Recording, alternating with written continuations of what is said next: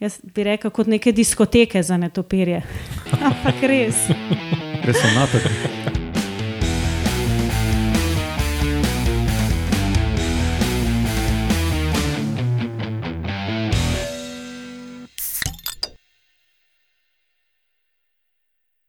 Lepo zdrav, poslušate 113. oddajo Metamorfoza, podcast o biologiji organizmov, ki vam jo kot vedno predstavljamo skozi lahkoten pogovor o pivu. Eh, Metamorfoza ima svojo spletno postajo na medijskem mreži Metina Lista in danes je na sporedu posebna oddaja uh, za noč čarovnic, kot ste že ugotovili. Zbrali smo se skoraj klasična zasedba z gostom in to so veliki mračnik Lauro Rozman, Živo. gozdna mračnica Alenka Rozman, Živa. ustne bradi uhatec Roman Luštrik, Sem mislil, da bom jaz karkoli gozdni, gozdni Pa- moža pa to. ustne brado smo mogli nekomu dati, pa Lauro, to se mi je zdelo primerno, veliki mračnik, te pa si pač ti to dovo. po defaultu, sem, se počutim kot videk, un srajčko. Uh, no, jaz sem pa Matjaš Gregorič. No, z nami je pa gostja dr. Maja Zagmajster, sicer zaposlena biologinja, no, seveda, um, zaposlena na biotehnički fakulteti Univerze v Ljubljani in vsi se bomo tikali, zato ker se že dolgo poznamo, da, da ne bo to poslušalcem čudno. Zdravo, Maja. Živijo. No, in Maja je tudi um, ne samo netopirjarka, ampak tudi netopirjarka, kako se bi temu reklo, biologinja, ki se ukvarja tudi z netopirji, no, med drugim. Tako, naj ja. tako. Ja. Pa tudi s podzemljem, pa še čem. Netopirka, recimo, včasih. tako. Netopirka. Smo netopirci in netopirke. No, evo. ja, o tem se bomo danes pogovarjali. Imamo nek, um, nek okviren plan, kaj bomo povedali tako splošnega o netopirjih, potem imamo pa še en full dolgi spisek vprašanj poslušalcev, pa upam, da bomo to lahko čim bolj smiselno vse obdelali. Um, povemo še, kdaj to snemamo, preden začnemo. Ne? Na današnji dan, leta 1831, se pravi pred 188 leti, se je rodil Otniel Charles Marsh, ameriški paleontolog, ki je v svoji karieri odkril več kot tisoč fosilov. Roman si pozval pripraviti, googlaš. Kako veš? Dobro, nič hudega. Ampak, ampak če smo ga ti marša uporabiti, pomeni, da danes res nič takega ni. No, dobro.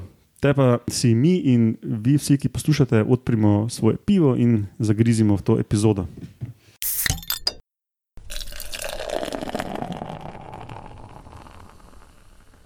Ja, ej, Maja, kako si se ti začela ukvarjati z netopiri? Jaz sem v bistvu res eno zgodbo za tem, kako sem se začela ukvarjati.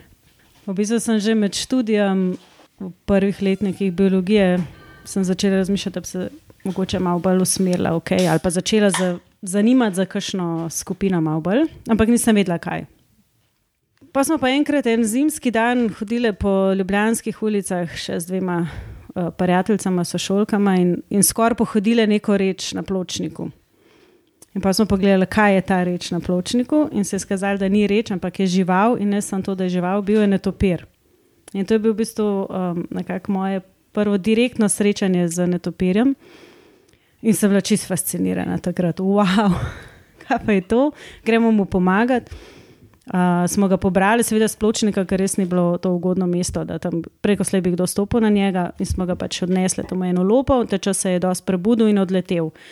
In takrat sem v bistvu nekako videla, da wow, to, to pa je mogoče nekaj zanimivega, se kdo pri nas s tem ukvarja, in sem začela bolj raziskovati in iskati možnosti, da bi se v bistvu z njimi bolj spoznala, čistko. Pač kot opcija, kot ena skupina, ki ima lahko kaj zanimivega za me. Tako, da tako. tako se je začela moja zgodba z netopiri. Mogoče lahko povemo, da uh, pri biologih je tako nekako go-to, da se ukvarja z eno skupino. Ni sicer nujno, ampak zelo veliko biologov pa ima, se z metuli, s kačimi pasteri, z rožami, ok, teh je bolj malo. No, Če ne drugega, zato ker če hočeš na tabor, se moraš pač v eno skupino prijaviti. No, ampak to je, to je verjetno bolj um, za te naš tip biologov. okay, ne. za, za Terenske ekologe. biologe, sistematike, ekologe. ne. Ja, Potem, ko imaš pa en kup, predvsem molekularcev, ki pa niso nujno na ki so pa dolgočasni. Ja. No, kakorkoli. Mm, mogoče štartamo s tem, ne, eh, jaz se vedno, že mojo babico, pa verjetno se, um, se to sploh ljudje bavic spomnijo, da so pravili, da so netopirji ne tič, ne mišne. Pa mogoče je smiselno štartati s tem, kaj sploh so, kam pašejo, kaj so, koliko jih je. Mislim, sami netopiri so izredno zanimiva skupina, ker so zelo pravzaprav polni enih nasprotij, hkrati v njih zelo veliko predsotkov. In po drugi strani so pa izredno zanimiva izredno kompleksna skupina. Zdaj v menu sinetične miš. Že to v bistvu pove, da ljudje niso točno vedeli, kaj naj s temi živalmi, kaj sploh so, kam jih dati. Leteli so, hkrati pa niso imeli uh, perja ne, in kaj zdaj z njimi. Netopiri so sesalci, tako kot smo mi, in so nam v bistvu uh, veliko bolj podobni ne, kot ptiči iz tega vidika. So toplokrvni, pokriti z dlako, kot jo žive mladiče, mladiči pijejo pri mamah uh, mleko, mame skrbijo kar dolgo časa za te mladiče. Mislim pa, da je ta njihov v bistvu precej kompleksen način življenja, o katerem bomo tudi danes govorili, pripomogel k temu, da v njih veliko, veliko vraž kroži, veliko predsotkov, prepričanj, ki pravzaprav jih vse čas postavlja na, rekla, na tisto temno stran, na nekaj zloveščega. Ne. Tudi aktivni so po noči, v temi, takrat ljudje spimo, ko gremo mi spat, se netopiri v bistvu zbudijo.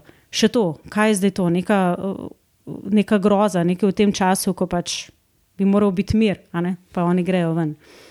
Um, in tudi ta njihov način premikanja po temi, po tem prostoru, kako so tega sploh sposobni, to mora biti neka čarovnija, to mora biti neka groza, se pravi, ne topiri, ogroza. Ne, in kaj imamo zdaj, ne? pred nami je ta.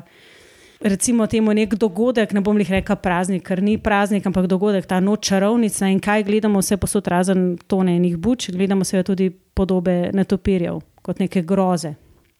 In mislim, da je to izredno uh, krivično in nepravično do teh živali. Odraža pa še nekaj. Ne? V bistvu naš pogled ali pa pogled naše družbe na netopirje je zelo pogojevan s tem, kje mi živimo. V naši kulturi so netopiri doskrat prikazani kot nekaj groznega, kot zloveščega in po zaslugi pač Drakole, tudi spremljevalci Drakole vendar pa niso bili ni v drugih, v vseh kulturah tako. Recimo, najbolj so mi zanimivi recimo, pogledi na netopire na kitajskem, kjer netopiri prinašajo srečo. Tudi Maji so imeli netopirje za božanstva. Se pravi, izhodišče je to. Verjetno vse tri recimo, kulture niso poznale netopirjev. Če nekaj, nečesa ne poznaš, se tega ali bojiš, ali pa kuješ v zvezde. Ne? naša kultura izbrala pod narekovaji strah, ne? lahko bi pa jih tudi občudovali. Obstaja kakšno zvezdno uh, to, zna, ne zna, znamenje? Ozvezdje. Ozvezdje v netopirju. Veš, da ne vem. Pa... Če v kakšni kulturi ne se je verjetno, ima vsaka tudi po svoje to malo. Tudi to je res. Ja. No, ampak, vidiš, to, pa, to je fulano, to pa jaz nisem nikoli pomislil, da ja, če je nekaj misterioznega, pa neznanega, je res ena ali druga skrajnost. Ja, sploh če pač v tem ni bilo veliko velik znanja, no, se, se, pač je bilo ja. težko mogoče preučevati takrat to. Umela si, da jih poznajo, recimo, neke hm, rekla, legende o njih, tudi Kitajci, pa tudi Maji so jih imeli. Kako so pa na to piri v splošnem razširjeni? Netopiri so eni najbolj razširjenih sesalcev po celem svetu. V bistvu jih najdemo vse posod, z izjemo recimo skrajnih, a ne severnih, južnih polov in recimo res visokih nadmorskih višin, kjer je pač območje večnega snega in ledu. Dogajajo pa vse posod po svetu, so izredno raznolika skupina živali. Pravzaprav, kjerkoli številko bi zdaj rekla, v številu vrst bi bila verjetno zastarela, ker se tudi še dan danes odkriva vedno nove vrste. Do zdaj je nekako opisanih že preko 1400 različnih vrst in so po, ja, po to pestrosti. Pa, to pa si sploh ne bi mislil. Izredno raznolika skupina, v bistvu po številu vrst, takoj za glodavci, se pravi, so uh, med sesalci druga najštevilčnejši red uh, sesalcev. Zasedajo zelo raznolike, rečemo, ekološke niše, imajo zelo raznolike življenjske navade. Tako da se pravi, razporočevanje netopirjev je, je kar zahtevna mm. naloga. Pa Drakolo smo omenili, da na tem mestu bi mogoče še lahko povedali, kaj o prehrani. Um, verjetno ja, niso kar vsi. Krija, ne, normalno.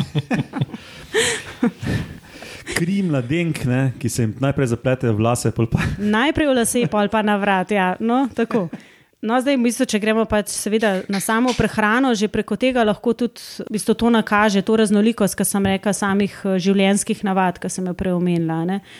Pri netopirjih večina jih je recimo žužkojedov, se pravi insektivorov, se prehranjuje z žuželkami ali pa z drugimi členonožci, ogromno vrst pa je tudi sadjejedih, nektarivorih.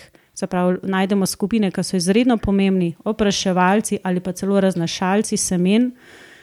Potem imamo tudi netopirje, ki se prehranjujejo z manjšimi sesalci.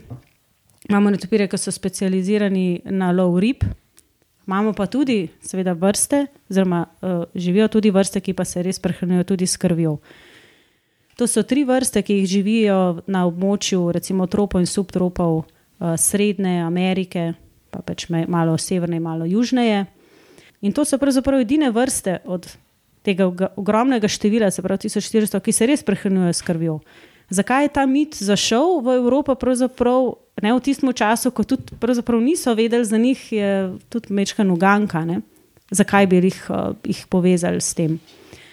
Pa tu je mogoče smiselno omeniti, ne, da to ni um, to krvojedstvo, ni Dracula style, se pravi, ni da zasedijo zo, zobe not, pa se sajo skozi zobe, ampak kaj naredijo res in ližejo. Ne? Tako je, ja, v bistvu zagrizejo, ne, naredijo ranico in potem ližejo uh, kri iz nje, ne, iz te ranice. Tako da v bistvu slina uh, teh krvojedih natopirajo vsebojo glavno teh antikoagulantov, se pravi, da se kri ne strdi. Ne, in to je v bistvu tudi nekaj, kar bi rekel, navdihuje lahko tudi same raziskave, kakšne so te snovi, kakšne so pač kemična zgradba teh snovi, kar seveda iz vidika, bom rekel, koristi. Ljudem je to lahko neka zelo pomembna informacija in dognanje. To pa govorim zato, ker uh, na vampirje, kot rečemo, vsaj eni od teh vrst, ne, um, tudi v slovenščini je pač to čisto korektno ime za to vrsto, Desmodus rotundus, se prehranjujejo s krvjo govedi, velikih sesalcev, marsikje pa potem jih smatrajo uh, za škodljivce. In dejansko, kjer pač je tudi velika prisotnost virusa, recimo stekline, lahko predstavlja tudi to vrstno tveganje. Uh, tako da jih ponekod po, po predelu, po pač pomoči njihovega razširjanja, tudi precej preganjajo. No? Uh, in hočem reči, da kljub temu, da pač ljudje v njih vidijo neko grožnjo, ali pa lahko mogoče tudi v določenih primerjih res predstavljajo, pa hkrati te iste vrste ne, predstavljajo tudi neko priložnost ne, za spoznavanje za človeka. In tle je v bistvu tudi spet eno to nasprotje, ker se mi zdi, da v marsičem, uh, da marsikdaj pri netopirjih srečamo to. Bom rekel, dva vidika. No. Iz stališča človeka, seveda, zmeraj govorimo, ta antropocentričen mm -hmm. pogled, ko vrednotimo nekaj. Meni se pri teh uh, krvojedih na topirjih zdi fulj zanimivo, da so taki socialisti. Ne, se pravi, en pride do obroka in se napoka, kar mora, in poleti nazaj v rečem, kolonijo, oziroma kjer med svojo družbo, ne, tistim, ki jim zaupa, ki so mu tudi v preteklosti dali za jesti, ki je bil on lačen ali ona lačna. Ne, in razdeli pol tudi tisti plen med druge. Ja, dejansko je pač zaradi tega, ker je sama ta hranilna vrednost krvi, samo po sebi očitno pač taka, da mora res vsako noč se prehranjevati, ne, ne traja to dolgo. Se pravi, ta zaloga. In če, če pride do tega, da je kakšen od netopirjev ne more iz kakršnega koli razloga, kakšno noč na lov, so opazili ta pojav, ki si ga ti omenil. Ja. Ja. Ja, se že prav v tem podkastu smo imeli že eh, vem, 50 epizod nazaj, ali pa še več smo imeli glih o tem. Smo en članek predstavili, ko so, pa se pred najboljši voljo ne morem spomniti, kdaj in s katerimi osebki delijo to. Um, pa tudi v metamorfozi smo imeli, če se malo vrnemo na, na žužko jede, uh, ko so ocenjevali, um, ker so te neke fulvelike kolonije netopirjev, pa so ocenili, kakšno korist na leto imajo za kmete, uh, ker pač jejo insekte. Ne ne vem, to, ali, ja, zdaj, ki si to omenil, to je šlo verjetno v kontekstu te. Um, Grožnje, no, zdaj pač, mogoče bomo zdaj skočili na en aspekt netopirjev in sicer govorimo o netopirjih, recimo zmernih klimatov, a ne v zmernih klimatih, netopirji po zimi nimajo dovolj hrane, da bi ostali aktivni. V tem času grejo v tako imenovano obdobje hibernacije oziroma prezimovanja. A ne v tem času živijo od zalog maščobnih, ki so se jih nabrali v toplem delu leta. In to je seveda pač tudi v, v območju te Severne Amerike, ogromno to vrstnih, recimo jam, kamor se te vrste, kamor se netopiri zatekajo v tem obdobju. O tem je bilo pogovora zato, ker se je nekaj let nazaj pojavila, bom rekel, tam bolezen, no, uh, gliva, ki je začela napadati pod narekovaj, no, ali pa mogoče kar dobesedno. netopirje in začela desetkrat uh, populacije netopirjev. Pojavila se je najprej zanimivo, prav, prav locirali so jo na severovzhodu države, tam so bile prve jame. Kaj se je začelo dogajati? Netopiri so med prezimovanjem začeli masovno umirati. Kolonije, več sto osebkov, vse mrtvo. In na njih so opažali pač ta, recimo, bel poprh in so začeli ugotavljati, kaj, kaj v bistvu sploh se dogaja. Ampak iz leta v leto je bilo hujše in iz leta v leto se je to širilo in pravzaprav se je zdaj to razširilo že skoraj po celih uh, ZDA. In kaj je bila posledica tega? Poleg tega, seveda, je ogromno uh, vrst netopirjev uh, ali pa ponekod celo populacij ostalo na robu preživetja ali pa celo že na robu, so že pač na pragu izumrtja. In takrat so se potem tudi spravili, da, so, da bi javnosti mogoče lažje pojasnili, kaj, kaj to pomeni. Ne? So zračunali v bistvu ta znesek, kaj netopiri pomenijo za kmetijstvo. Če ti izračunaš, ne, spet to je pač ta človeški pogled, če izračunaš, koliko insektov pojejo, koliko bi ti moral potem porabiti za to raznih uh, pesticidov, in tako naprej, ko to daš v denar, so bile pač številke res. Um, Take, no, impresivne in ogromne, in takrat so ljudje, se, mogoče tudi tisti, ki jim je malo mar za natopirje, so se zavedali resnosti in, in bom rekel, širine tega pojava, ne kakšne so res posledice lahko. Ja, da. Zanimivo, no, če še okoli tega nadaljujem, je pa, da v bistvu ta Zakaj se je to tam zgodilo, ne, s to, to glivo, ki se je pol izkazalo, da res v bistvu oslabi te osebke, zaradi tega ne preživijo zimo? To glivo so opazili tudi um, pri netopirjih v Evropi. So našli na, na, na večjih mestih, po več jamah, ampak netopirji pa tukaj ne umirajo masovno. Ne, tako da očitno so pač na tem našem, našem pač na evropskem območju razvili neko rezistenco. Lahko, da so kdaj v preteklosti, že, da je bil že en val, kaj to pač pa so ostali samo tisti, ki so to dal čez, mm. uh, tam pa ne, ne. Tako da v bistvu je, kolikor vem, še zmeraj kar velik misterij, se, zakaj je prišlo do tega izbruha in kaj se je tam dogajalo. Lepote globalizacije. Ja, res je. Ja. res.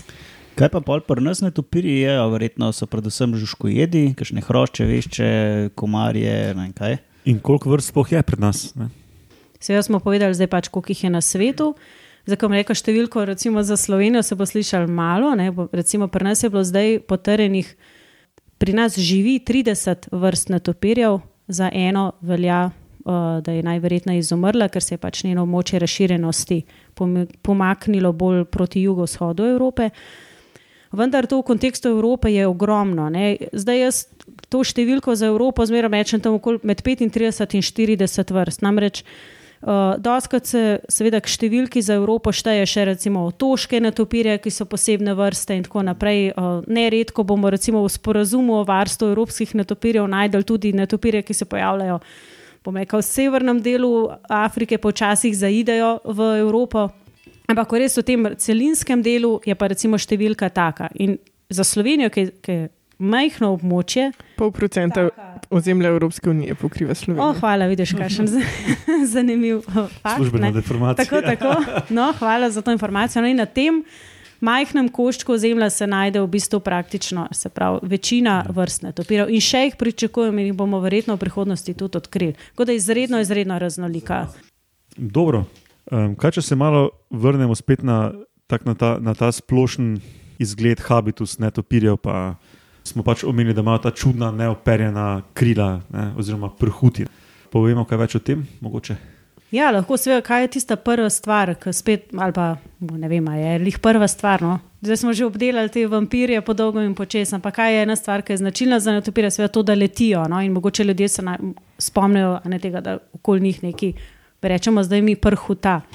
In uh, netopiri so posebno že med sesalci, zato ker so sposobni aktivnega leta. Kaj to pomeni, da v bistvu ne, letijo z uporabo svojih mišic, da lahko aktivno usmerjajo svoj let, um, se pravi, niso pasivni letalci, niso jadralci. Zdaj, kaj jim to omogoča? To jim omogoča tako imenovana prhut. Uporabljamo izraz prhut, ne pa krilo, ne ker krilo ponovadi uporabljamo za krilo ptičev, medtem ko tle je pač sama morfologija drugačna. Gre za to, da imajo dlančnice in prstnice podaljšane, a ne netopiri, imajo pet prstov na sprednjih okončinah, ampak te dlančnice in prsnice tako podaljšane, med njimi pa razpeto zelo, tako zelo tanko, ampak elastično kožnato opno. Pri netopirjih, ki živijo pač pri nas, ne, ostaja samo palec ven iz opne. In to je tisto, kar včasih vem, slišim ljudi, da rečejo, da imajo nek kavelček. Ne. Uh -huh. To ni noben kavelček, to je prvi prst, to je palec, z njim bi lahko štopal. Ne. Sam dober, bi moral še druge roke služiti. Se pravi, med drugimi prsti je pa ta opna, ta opna je razpeta tudi med uh, petim prstom in, tel, in trupom, in opna je razpeta tudi med zadnjimi nogami in repom. Ta opna je prepredena z uh, žilčnimi uh, vlakni, z žilami, mišičnimi vlakni in v bistvu res z, z upogibanjem, z premikanjem te prhuti lahko, kot sem že rekla, zelo hitro letijo, pa tudi zelo spretno letijo. Ne? Vse po vrste tle med sabo razlikujejo. V bistvu bi bili ful dobri base jumperi. Ja, ja. samo base jumping je dosto o jadranju. Ne? Ja, ja seveda, seveda. Pri njih je pa glih ta fora, da so zelo okretni, no. zelo hitri. Ne, ne bi jim bilo um. treba pristati. Ta hitrost, ne, po tej hitrosti leta bi bili lahko wingsuit, ki imajo ja, ja, v bistvu to. to ne. Na nek, nekatere vrste imajo res tako oska krila in tako hitro letijo, da res dosegajo ogromne pač, hitrosti. Zdaj od pri nas živečih natopirajo so taki hitrejši letalci. Recimo, uh, dolgokrili netopirka, tam recimo 50 km na uro ali pa mračnik, ne, veliki mračnik, tudi to, to doseže. Imamo tudi še hitrejše netopirje, uh, ki pri nas ne živijo, recimo to so uh, mehiški netopir. Ali pa brazilski netopir, no, ta pa je celo 160 km, neverjetnih 160 km na uro lahko doseže. Ampak to je seveda tako hiter let, ne? to je pač nekam se mudi, če tako karikiram. Neka, neka maksimalna hitrost. To je, ampak to je ja. hitrost. Ja. Ne? Nekaj drugega je pa to, da si pa ti lahko spreten letalec. Tam je pa fino, da si ustrezno počasen in spreten. Se pravi, tam pa ni nujno hitrost prednost, ne? ampak je mož zmožnost, da se ti hitro obrneš, pa greš gor, pa malo dol in tako naprej. Tako da, in tudi te sposobnosti imajo uh, izredno dobro razvite, saj nekatere vrste. Tako kot kači pastiri, recimo, med žuželkami. No, ampak recimo, če, če primerjamo z drugimi vretenči, recimo s ptičine, če zdaj zanemarimo. Um, na opično pikiranje, ker ti tudi težnost pomaga, ampak samo tak nek horizontalen let, je tudi to zgleda tako neka meja. Ne? Zdaj, če čisto gledam tabelo in maksimalno, kar vidim, je 169 km na uro, pa potem 145. Ne, to je no, očitno neka taka ja. vretenčarska meja. Ne? Ampak to smo tudi imeli v enem metu. Ja, ja, smo tudi že. Am, ja. Ampak no, se pravi, pri vsej tej raznovrstnosti ptičev, ki jih pač poznamo po njihovih letalnih sposobnostih, ne, ne topiri so tam tam. In tudi um, nekje sem zasledil, da um, nekatere vrste lahko, kako se jim reče, lebdijo. Ali um, kolibri, recimo. Tako ne? je, ja. ja, Teda, ja. So kar impresivni. Ne? Tudi te zmožnosti imajo, seveda, se pravi, mogoče pač prav od vrste, kot sem prej omenila, da se nekatere prehranjujejo z nektarjem. Ne? Se pravi, podobno obnašanje imajo kot kolibri. Se pravi, so sposobni tudi to vrstnega lebdenja in to je tudi nekaj, verjetno, kar zahtevna, bom rekel, aktivnost, no? operacija, da to naredijo. Ja, sigurno. A pa je s temi krili kakšna podobnost, recimo s kakšnimi ptiči, da ima vem, oblika sovpada z obliko kril, pa recimo vem, teh ujedih, ki grejo hitro, ali pa prlasto, ki imajo pač tak značilen ukrivljena krila, kle, ali je bolj klele, bolj uh, uniformno. Ne, ne, ne, po krilih dejansko krila odražajo sposobnosti, se pravi, po eni strani hitrosti, ki jih dosegajo, in same te okretnosti, uh, oziroma spretnosti, kot dva neka izraza, ki, ki pač opredeljujeta tega, kaj so. Tako da um, eni imajo široke prhuti, ne, eni imajo zelo oske, daljše prhuti, se pravi, da se podaljšajo, so take špičaste. In, in uh, nekatere imajo pa zelo široke. Tako da v bistvu iz tega se da tudi predvidevati, v bistvu, kje so sposobni leteti, in tudi konec koncev, uh, kakšen plen bojo sposobni ujeti. Ali pa pač se predvideva, v kakšnem okolju lahko letijo in da tam nabirajo. Ne? Se pravi, če, če grem to v, v neko okolje, eni netopiri bodo po, po zraku, ne, ne vem, po prostem leteli in lovili pač žuželke, ki jih bojo tam našli, spet drugi bodo šli pa med gosto rastje. Včasih sam gledaš, kam, kam so sposobni kakšni zleteti, recimo mali podkovnjaki, izredno, uh, izredno sposobni leteti zelo, zelo taki med gostim v Jevju, se kar zapodijo nekam v grmoje, sploh ne veš, kam grejo. In uh, recimo tega, kakšni druge vrste ne bi bile zmožne. Ne? No, kaj glih govoriš o različnih okoljih, um, oni tudi imajo različno, vsaj ti prnesno, jaz ne poznam spet toliko netopirjev, mečkam pa. Pozim so v jamah, polet imajo pa porodniške kolonije. Ja, jaz bi mogoče to, to je dobro, kar si zdaj v bistvu najprej povedala. Po mojem, fino, da se res, po, ko govorimo zdaj o netopirjih, bom rekel, o teh značilnostih, smo res v, v tem našem okolju, pa v zmernih klimatih. Ker spet, ker jih je toliko različnih, da bi zdaj za vsako ne te navade, imajo res te razlike. Tako da, ja, in netopirji zmernih klimatov so se morali soočati s tem, s čimer se mi zdaj soočamo, in to je z mrazom. Vse mraz sam po sebi ni, ni slab, ampak kaj pomeni mraz ne? za netopirje, ki se prehranjujejo z žuželkami, um, pomeni seveda, da ni dovolj plena v zraku. Ne? Zato tudi zdaj, recimo, ne moramo povabiti poslušalce, da grejo ven in gledajo netopirje leteti, ker jih zelo verjetno ne bojo videli. Ne? Ja, ampak to, to je šele dole par dni, jaz sem jih tam tri dni, ja, nazaj, sem jih še videl, danes Ja. pa ne več. Zdaj smo bili v enem takem prehodnem, zanimivem obdobju, kar se tiče netopirjev. Po eni strani, uh, seveda, ko pač pr, ko pritiska mraz, uh, zginjajo, jih ne opazimo več, a ne? po drugi strani pa jesen, tudi čas, ko se parijo. Se pravi, preden grejo na prezimovališče, ki je posebno obdobje v, pač v njihovem življenju, v življenju netopirjev zmernih klimatov, ko morajo se s tem soočati, imajo pa ta del, ki je pa mogoče zabaven, ne, in to je pač uh, čas um, srečevanja samcev in samic. Tako da je v bistvu toliko zdaj jesensko obdobje in zdaj se končuje. Je pa zanimivo, da se da uh, tudi po mestih, recimo pač po Ljubljani, pa tudi po drugih mestih, slišati uh, napeve samcev. Kaj, kaj je ne podoknice? Ali?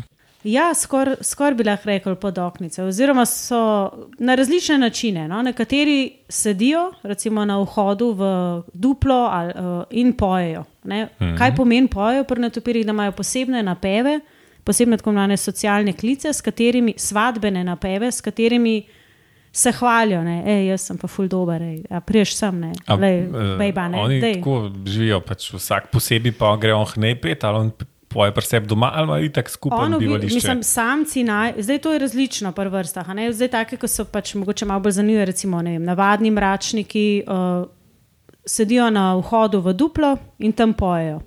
Če so dosti prepričljivi, pridejo samice do njega in se pač mu pridružijo v tem duplu in ima lahko prave hareme. Ne? Se pravi, bolj, ko je uspešen, več samic bo imel. Določeni se recimo postavijo, mogoče ne na vhod, ampak recimo celo branijo ali pa letijo po določenem teritoriju, spet z istim namenom, da privabljajo samice. In te klici, te- socialni napevi so vrstno specifični. So Zelo, v bistvu v tem smislu so zelo podobni ptičem. Tudi ptiči v bistvu pojejo z nekim podobnim namenom, da teritorij ozna- teritorij označujejo ali pa vem, tudi privabljajo konec koncev samice, ko je čas za to. In podobno imamo v tem jesenskem času pri netopirjih. Da Kaj pa samice tudi, imajo tudi kakšne strategije, ali pač pridejo k namet varianta, ali pač. Ja, no, seveda neki- malo zbirajo, ne, verjetno, kar slišijo, ne, one zbirajo. Zdaj v tem -huh. kontekstu imajo one pač verjetno, kaj se jim, kaj njih prepriča, ne, mogoče. Pa sigurno, Globok glas. vsaka, vsaka velika skupina ima en pester nabor um, spolnih praks. ne. Mhm. Verjetno je isto tukaj. Ne. Gre za to, kako se pač privabljajo. Ne. Zdaj sem pač povedala en način, ki recimo lahko ljudem. Ki ga lahko, ljudje lahko srečajo, recimo v okolju, ko se sprehajajo, zdaj pač v večerjih, ne, uh, po mestih ali pa po kakšnih krajih, ker te klice se da slišati tudi brez kakšnih naprav, s prostim ušesom. Ne, to bi se vse sliši tako. Ne, včasih ljudje mislijo, da so vem, zelo podobno je polet kobil, oglašanju kobilca, pač nek ultrazvok. Ne. Glede na to, da je podcast audio oddaja, um, misliš, da Maja lahko dobimo kakšne posnetke teh c in podobnih zvokov, ki bi jih tukaj spustili? V... Bi se dal, po moje, dobiti, no, vsaj ta, za ta občutek. Ja. No, ok, potem pa to je to.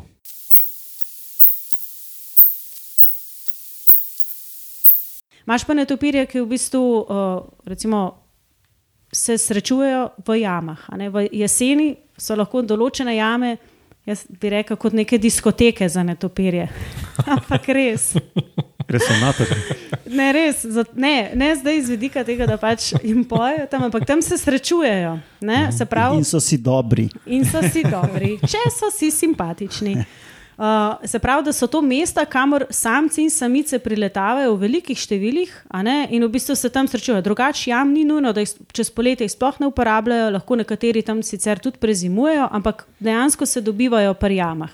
In je to v bistvu so lahko določene jame zelo pomembna mesta, tudi recimo mešanja pač samega, oziroma za pretok genskega, uh, kako bi rekel, no? za Materiala. genskega materijala. Hvala. A ne, ker v bistvu sicer zelo uh, živijo pač ločeno te populacije, samice živijo ločeno od samcev. To bomo verjetno še prišli do tega, a ne? ampak v teh jesenskih srečevanjih pa pridejo lahko skupaj in takrat lahko nekateri samci tudi zelo daleč letijo na ta mesta, kjer bodo srečali samice. Pa je to zelo daleč. ma. To je lahko več 10 km, več 100 km. Aha, tako zelo daleč. Uh, ja, lahko je precej daleč. Prav tako grem se jaz na Dunaj part pa to. Uh, Nekako tako, oziroma imamo še večje ekstreme, ki so bolj povezani s tem, da iščejo, verjetno tudi z zaparjenjem, pa tudi z iščenjem prezimovališča. Recimo imamo na Tuzijevi netopir, recimo, če konkretno o vrsti govorim, ki se iz severa Evrope seli v jug, na jug Evrope na primerna prezimovališča. In govorimo o tisoč kilometrskih razdaljah. Uh -huh. Seveda hkrati pa verjetno tudi to služi, tudi, da pač prišel na mesto, kjer bo srečal tudi kakšne samice. Se pravi, ta, te selitve pri netopirju so lahko res, res ogromne. Pa to je splošna ali tako pač nekatere vrste? Ne, ne, ne, to je pa vrstno, speci- niso vse vrste take. Nekatere vrste bodo recimo med zimskimi in poletnimi zatočišči imele 100 do 200 km, 50 km, rečemo, da so bolj stacionarne, se bolj držijo enega območja, nekatere vrste so pa izredno, uh, bom rekel, taki selivci na zelo dolge razdalje. Se pravi, zdaj, ko ne, se bližamo temu mrzlemu delu leta, se pravi, zima je pred vrati uh, in to je tudi za netopirje, in v tem času se selijo na prezimovališča. V tem času tudi netopirjev ne bomo videli leteti okoli, razen izjemoma, kar pa moramo omeniti, ne včasih je pač ne vem, lahko topel dan, sploh v mestih, pa se bodo nekatere vrste še zmerom tako zbudile, da bojo probale kaj ujeti. Skršni se še zmerom lahko, ampak to je zelo to je izjemoma. Ne? Pri nas je ogromno podzemnih jam, ki predstavljajo idealna prezimovališča za veliko vrst. Ja? Obstajajo tudi nadzemne jame. To je zelo dobro vprašanje, ampak dejansko obstajajo brez strope jame, ki so jame, ki so na površju. Zato- udaril, ne? Ja, ja, in se jim reče jame, čeprav niso jame. Tako da to je dobro vprašanje. Zato sem tako striktna v tem podzemne jame, ker sem že, bom rekla, to je pol, uh, tale, poklicna deformacija. Skitacijo. Ja, ja. No, ali pa recimo ne vem, kakšni umetni tuneli ali pa rudniki ali karkoli. Pač, eh, zakaj gre pri tem? To so pač prostori, kjer je relativno visoka vlaga, kjer je temperatura bolj ali manj stalna in to je tisto, recimo, neko primerno okolje, uh, ki ga iščejo v tem času. Zakaj? V tem času živijo od maščobnih zalog, ki so se jih nalovili, ki so se jih nabrali v toplem delu leta, pa recimo sploh pol jeseni. Teh seveda ni neskončno, se pravi, da morajo s to energijo skrajno varčno ravnati. In netopirji so recimo nekaj posebnega, uh, no, seveda še nekaj sesalcev je tega sposobnih, no, ampak so posebne že v tem smislu, da so sposobni svoj metabolizem regulirati in zmanjšati, se pravi, aktivnost uh, zmanjšati na minimum, tako da so sposobni to preživeti. Kako to zgleda, ne? žival pravzaprav v tem času res globoko spi, vdihne nekajkrat na minuto, srce udari nekajkrat na minuto in v bistvu skrbi za to, da tiste vitalne funkcije pač delujejo. Um, zato je seveda umik v take prostore, ki imajo konstantne razmere, ključen. Potem, nekako v tem obdobju, uh, sicer se občasno zbudijo, ampak večinoma spijo vse čas, pa pride pomlad. In takrat se začnejo prebujati, in takrat se tudi začnejo seliti na poletna zatočišča. Pomlad pa pomeni še nekaj. Če se vrnem spet malo na tisti del prej o, o parjenju. Še ena posebnost je pri netopirjih. Če se parijo zim, pred zimo, po zimi pa prezimujejo, bi bilo skrajno uh, neugodno, da bi se čez zimo jim mladiči skotili ali pa da bi se začeli mladiči razvijati čez zimo. Zato ima eno posebnost in sicer, da samice shranijo spermo do pomladi, posebno v razdelku maternice, in pomladi pride šele do oploditve jajčeca. Oziroma pri nekaterih vrstah, no, tudi pri nas živeč, recimo dolgokrili netopir, se pa ustavi, se pa jajčice sicer oplodi, ampak se po nekaj delitvah razvoja ustavi do pomladi. Mislim, da temu reče odložena implantacija. Mislim, da je nekaj tazga prsrna. Odložena oploditev ali pa ja. Ja, tako. mislim, da pa kune imajo pa to ta drugo foro, da je že oplojeno, pravi, ampak ne zdaj v kateri fazi embrija se ustavi, ampak lahko tudi do enega leta zamakne. Nekaj takega. Ja, se pravi, gre za oploditev ali pa, ja, ali pa samo implantacijo pri različnih vrstah. In takrat se potem začne ta razvoj. Uh, tako da se mladiči skotijo nekje na začetku poletja, ki je pa ugoden čas za to. Do poletja se pa samice preselijo na posebna pač na zatočišča, kjer se zbirajo lahko v zelo velikih številih in oblikujejo tako imenovane porodniške kolonije. V teh kolonijah praviloma ni odraslih samcev.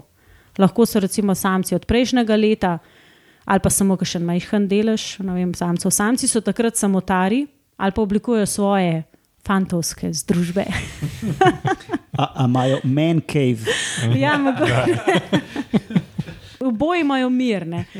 Uh, mislim, sicer samice ne toliko, ker potem vendarle skotijo po enega mladiča letno, uh, ampak jim je pač s tem, ko so v bistvu v teh skupinah, jim je to lažje. Um, ko se mladiči skotijo, niso pa rasli z dlako, se pravi, sama ta termoregulacija zelo slabo dela in takrat je zelo dobro, da, da jih je več skupaj, ker se v bistvu v tem času, ko grejo samice ven na lov, se lahko pač grejo drug drugega, tako da ima to zelo, zelo velik pomen. Uh, na splošno so netopiri no, zelo, social, so zelo socialne živali. No. Uh, Aloh, ja. nekaj sem se spomnil.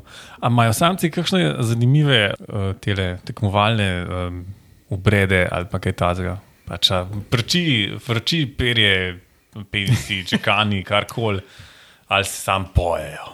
Vidim, da tale parjenje. Ja, parjenje je zmer najbolj zanimivo. To je zato, ker je jesen zdaj. Ja, no, seveda, ja, ja, čas, zdaj ja. sem jih opazoval. Ja, no, ja. Jesene tu pirčki pojejo, ja, ja. spomladi pa ptički. No. Mislim, lahko so tudi direktne, pač, kažne, ampak eh, večinoma pa lahko imajo ta pač, teritorije, kjer se preženejo. No, se pravi, mm -hmm. recimo. Mm -hmm kar je recimo vidno pri navadnem netopirju m, v jamah, recimo si lahko branijo vsak svoj del stropa, ki ga tudi lahko zamaže, takrat zelo, zelo pač izločamo, tako obustne žleze, zelo take. Izrazite pa takrat v bistvu ta vona, ne, s katerim tudi, seveda, ne, se torej. olepšajo ne, uh mhm, -huh, in si v mhm. bistvu lahko označijo pač en del stene in, jo, in ga branijo. Seveda bojo odgnali samce, takrat, ne, če bodo prišli zraven. Tako da na ta uh mhm, -huh, način je. Ja. No, vse, na to sem malo preciljal, ko sem rekel, da pri tako veliki skupini, ima, ki ima ta užen 400 vrst in se pojavlja vse posod po svetu, se pravi, imaš predele, ker imaš full izrazito sezono, pa predele, ker je skornine ali pa je precej drugačna, če so to neki tropi, recimo, ne, imaš sigurno vse sorte paritvenih sistemov. Pač vse, kar poznaš v naravi, imajo verjetno tudi netopiti, ker so tako pestra skupina. Maja je omenila hareme, mm, jaz vem, da imajo recimo tudi ene vrste ta leg mating, spodnem, če je slovenski izraz, imamo, no, ampak to je to, ko se v pridnem obdobju samci zberejo na določenih mestih, ki niso mesta, ki imajo neke um, dobrine ali za hrano ali za legla ali kako takega, so pač paritvena mesta in potem te velike skupine samcev privabijo samice, ne, da, da izbirajo med njimi. Imáš verjetno tudi sisteme, ki so precej neharemske ali pa ne skupinske ali kaj takšnega. Ne. Verjetno imaš vse sorte, si predstavljam. Ampak, Um, to bi mogla biti verjetno posebna oddaja, če bi hotel to vse v detajle. Ja, to je. Jaz sem mislil, če je kakšna taka spicy zanimivost. No, vse ta, to, ja. kar si omenil, je pač pa nekaj vrstih. Ali to, kar si na ta način, če si potem samci, v bistvu, ker imajo potem tisti manj atraktivni samci v taki skupini tudi priložnost prideti do ne, svojega časa del ene skupine, kjer je uh mhm. -huh. nekaj zelo atraktivnih, pa malo manj, in pa si očitno je to ena taka prednost. Uh -huh. ja. so, pa, so pa nekaj vrste pa celo tako, da pa jo stalne pare, se pravi, da, uh mhm. -huh. Da dejansko formirajo kot neke pare. Ampak to so v bistvu spet bolj izjeme no, kot pravila. Dejansko. In s tem mogoče še navežem na to, da netopiri so izredno dolgožive živali. Ne, da, in hkrati zelo navezani na določene zatočišča, kamor se vračajo iz leta v leto. To sta dve taki zadevi, da v bistvu recimo, na prezimovališčih se nam se včasih zgodi, ko greš vem, v jamo, vem, preštetne topirje, pogledati, kje so, da boš na istem mestu videl viset netopirja. Seveda, če ga ne označiš, ne moreš vedeti, ali je res isti ali ne. Ampak prav na, včasih celo na istem na grbinci na, na kapniku. Uh mhm. -huh. Vsekakor se vračajo v ista zatočišča, tudi samice se vračajo iz leta v leto v ista, uh, na v ista mesta, kjer so uh, skotile mladiče. Tudi njihovi mladiči se vračajo nazaj. Tako da s tem napeljujem na to, da tudi tako zlahka ne zamenjajo za točiš. Seveda jih prej, ko slej, ko se pač poveča njihovo število, ko reče, da eno mladi iščejo nova mesta, to vsekakor. Ne, ampak se, je pa ta v bistvu navezanost, eh, kar, kar izrazita. Ja, Kako je pa stane. dolga ta dolgoživost? Zdaj na topiri so lahko rekordi segajo čez 30 let. Opa. V Sloveniji imamo um, podatek v bistvu o malem podkovnjaku, ki je bil star najmanj 22 let. Uh -huh.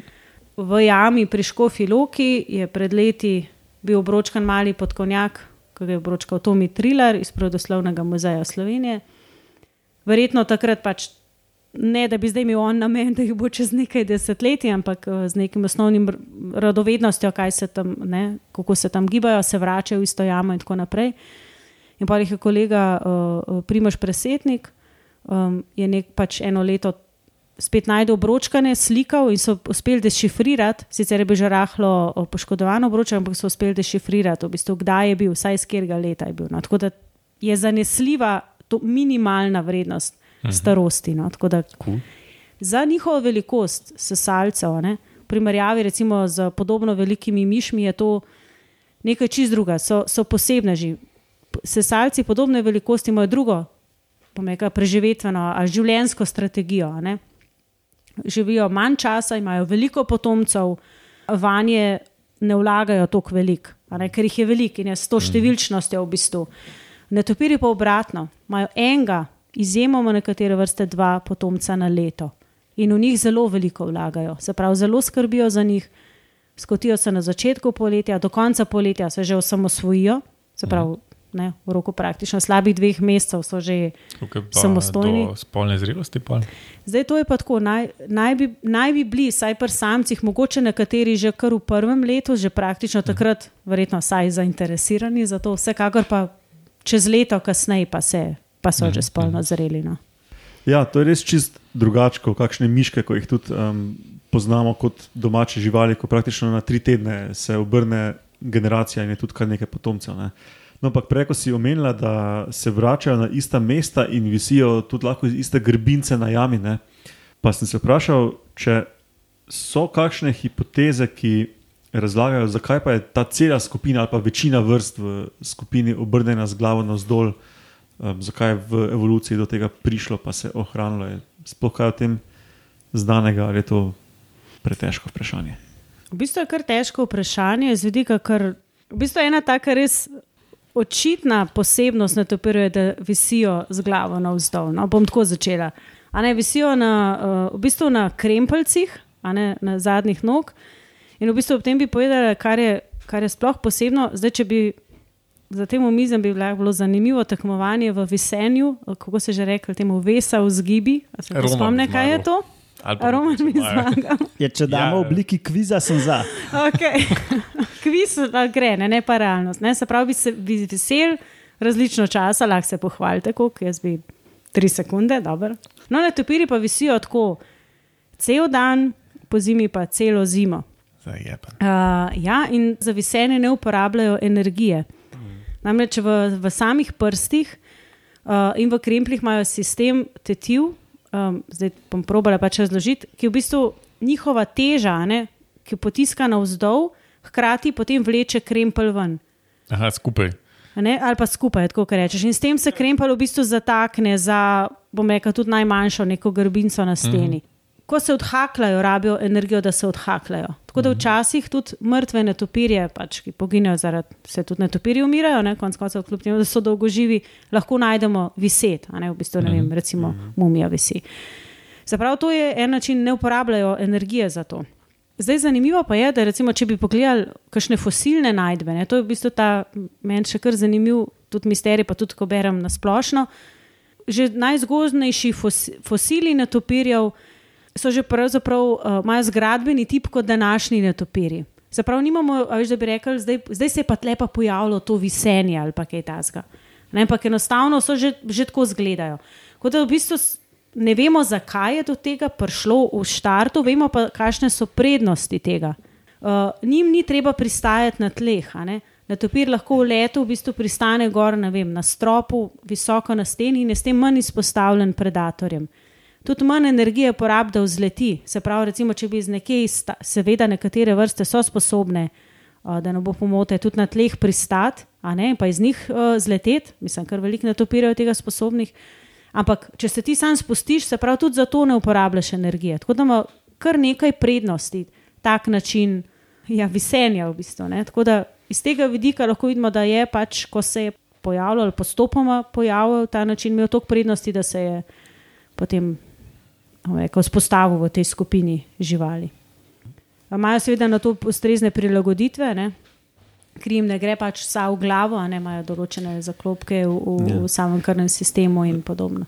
Um, no, in tudi v metamorfozi, to pa še dlje nazaj kot te netopirske oddaje, smo imeli pa eno novico o flamingotih.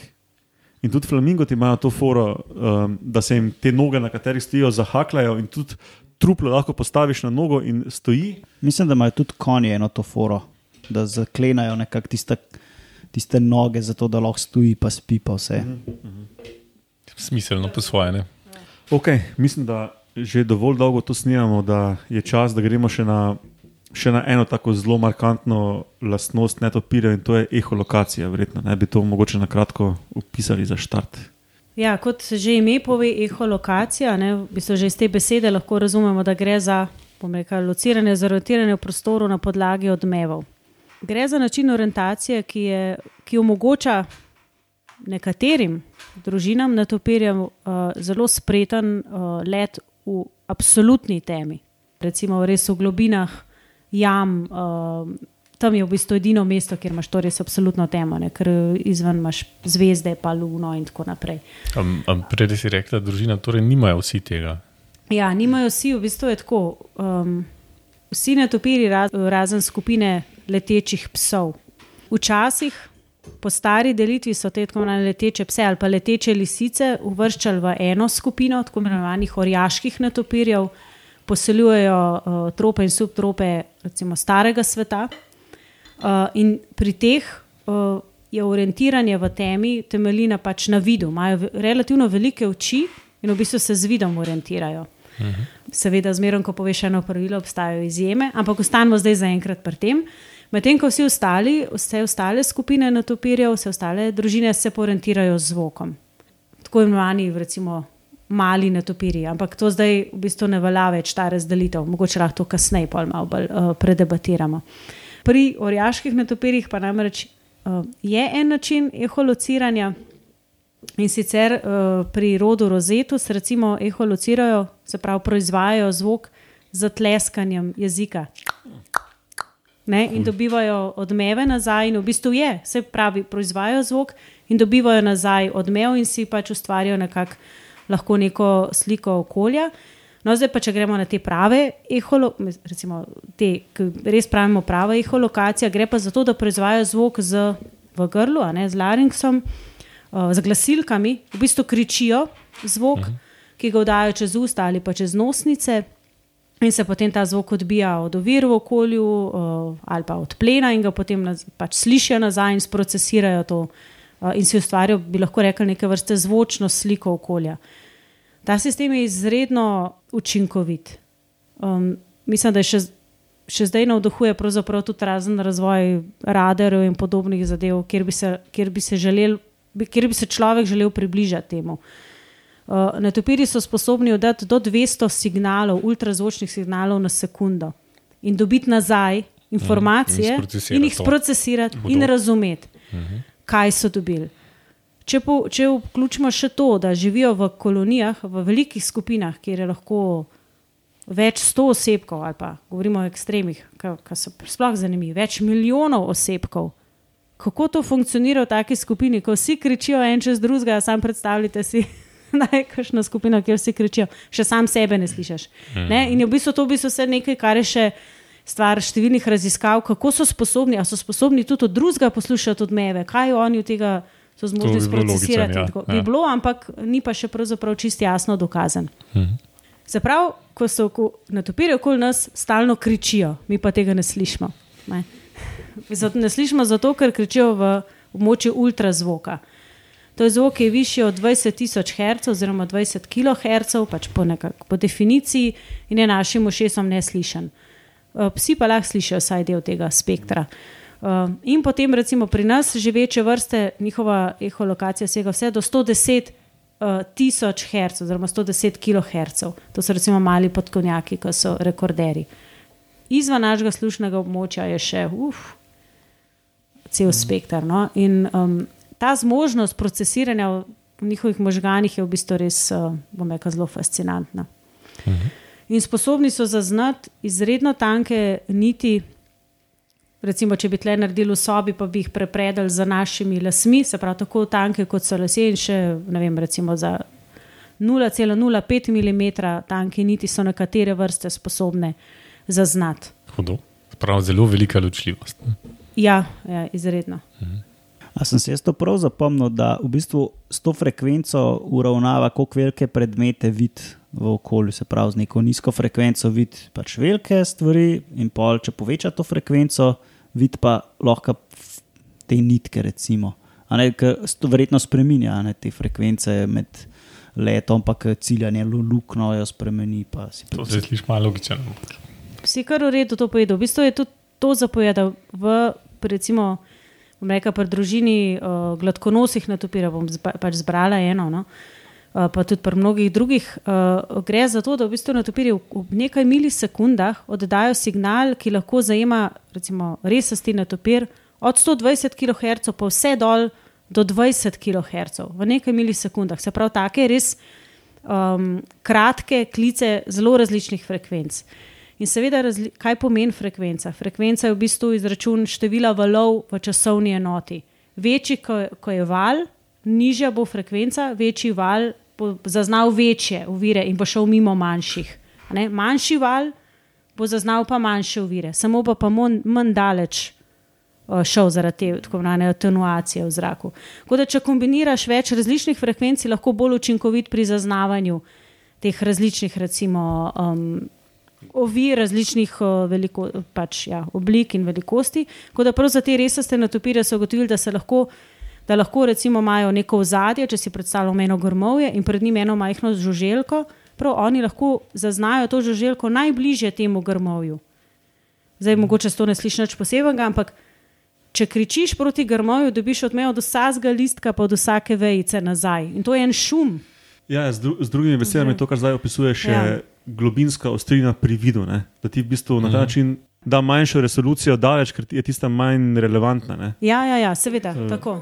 Ja, in potem iz razlike v bistvu tega, kar si ti oddal in kar si dobil nazaj, sprocesiraš to, kaj je tam. Imamo pa recimo podkovnjake, ki pa mečkan drug sistem, ki je pa še bolj učinkovit, uporabljajo, ki uporabljajo drugo lastnost zvoka in sicer, in sicer tako imenovan Dopplerjev efekt. Kaj je to? To gre v bistvu najbolj vsak pozna preko tega, ko gre mimo nas, kakšen rešilc. Mm. Ko se nam približuje, je frekvenca višja od tiste, ki jo rešilc dejansko oddaja, zato ker se zraven premika in, in daje pospešek temu zvoku. Postaja višja, ko se od nas oddaljuje, je ta frekvenca nižja. In pri njih je eholokacija pa čist drugačna. Oni pa pravzaprav vse čas prilagajajo, glede na svojo hitrost leta, svojo frekvenco, da je vse čas približno na istem. Da je vse čas, ne vem, recimo 81 kHz veliki podkovnjak. In v bistvu kompenzira za to svojo hitrost premikanja. In je v bistvu spet z enim čist drugim principom, mogoče še bolj učinkovita, kot kar tako greš čez cel razpon frekvenc. Ja. Ampak bi pa mogoče še to dodala. No? Seveda zvok je pač za orientacijo, uh, za lov, so pa nekateri natopiri, ki pa vendarle v določenih situacijah ne uporabljajo tega aktivne eholokacije. Recimo v hati natopiri, uvodoma je bil nekdo predstavljen kot usne bradi, uhatež, tako da boš vedel nekaj posebnega o sebi in sicer to je. Roman. Roman. Imajo zelo uh, velike uhle, ne, to so recimo 3 cm uhli. Uh, in kadar hoče Koliko ujeti, je pa žival velika? jo, zdaj to recimo, Približno. ja, če bi mogla, recimo tam 4 cm ima telo, jaz si to vse tako le na Pa tri uhli, evo. Ja, ne, no, dobro, pa dva. Ja, ja. So, z, z razlogom so uhati netopiri, no, tako bom rekla. Uh, ampak ko lovijo, ne, v bistvu ne uporabljajo eholokacije, ko so blizu neki vešči, ampak utihnejo, lahko tudi malo zalebdijo okoli nje in takrat poslušajo, vešče pa zelo pogosto pač utripajo skrili a ne, in v bistvu s tem proizvajajo zvok. Se pravi, da jo res poslušajo, ne, ne, ne, ne eholocira več takrat. Tudi zelo tiho eholokacijo imajo, tako rečemo, jim šepetalci. Tako da moraš biti zelo blizu, da jih sploh zaznaš. Ne? Njih ne boš slišal kričati tam le 50 metrov Taki daleč. Medtem ko, ja, ja. No, meni lahko reče tudi uh, šepetalec ne topiram. šepetalec vešča. Ja. Veščam, ja, to je boš. Ja. A v tej opremi za poslušanje netopirjev ste že kaj povedali? Ne še. Razen to, da nič ne slišimo, brez opreme, še nismo prišli do tega, da jih pa dejansko lahko poslušamo. Uh, na topirje s tako imenovanimi ultrazvočnimi detektorji. Uh, gre enostavno za to, da so to naprave, ki imajo dosto občutljive mikrofone, da zaznavajo ta ultrazvok teh visokih frekvenc in ga potem ali spremenjajo v nam slišen zvok, in lahko mi že sproti s to napravo, ko smo na terenu, že slišimo nek uh, zvok ven, takrat, ko meka, v, resni, rečem, v resničnem času, no, v real time, ne, uh, in iz njega že lahko. Uh, Določimo vsaj skupino vrst, ali pa včasih celo prav vrsto netopirja, ki leta okrog nas.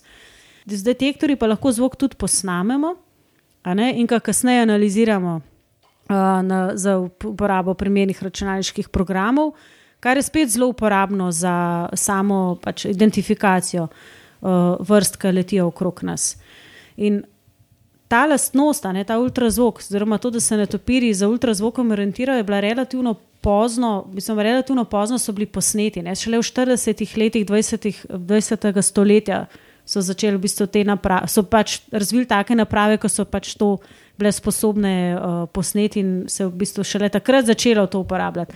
Mogoče bolj v, v samem raziskovanju netopirjev, kaj se jim lahko reče za Slovenijo, v bistvu zadnji dve desetletji, recimo, da to uporabljam in, in, in je res. Um, Velik premik to predstavlja v samem raziskovanju netopirjev, ker ti netopirja ni treba več vznemirjati, ampak ga opazuješ res v naravnem okolju. Ni, niti treba, ne vem, ga mogoče na zatočišču vzeti, pa pogledati, pa vrniti nazaj. V, v, v zmerom pazimo pač pri raziskovanju, seveda, da, jih, uh, da je minimalen efekt na njih, no, vznemirjanja, to se razume.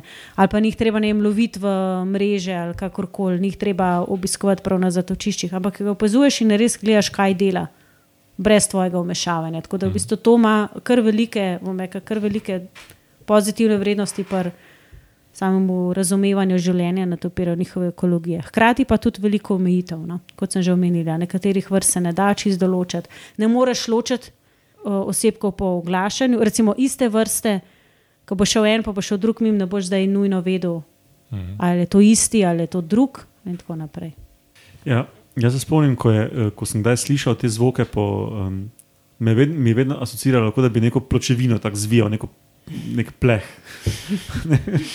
ja, zdaj, glede na to, kako izgleda njihov signal, so potem tudi različni lahko ti zvoki. Ne? Mi jih nekako imenujemo kot um, recimo žvižg, je tak, da se sliši malo bolj, kot že mi pove, ne bolj žvižgajoče, uh, ali pa so pa lahko vem, bolj suhi, suhi uh, zvoki ali pa bolj tlesk.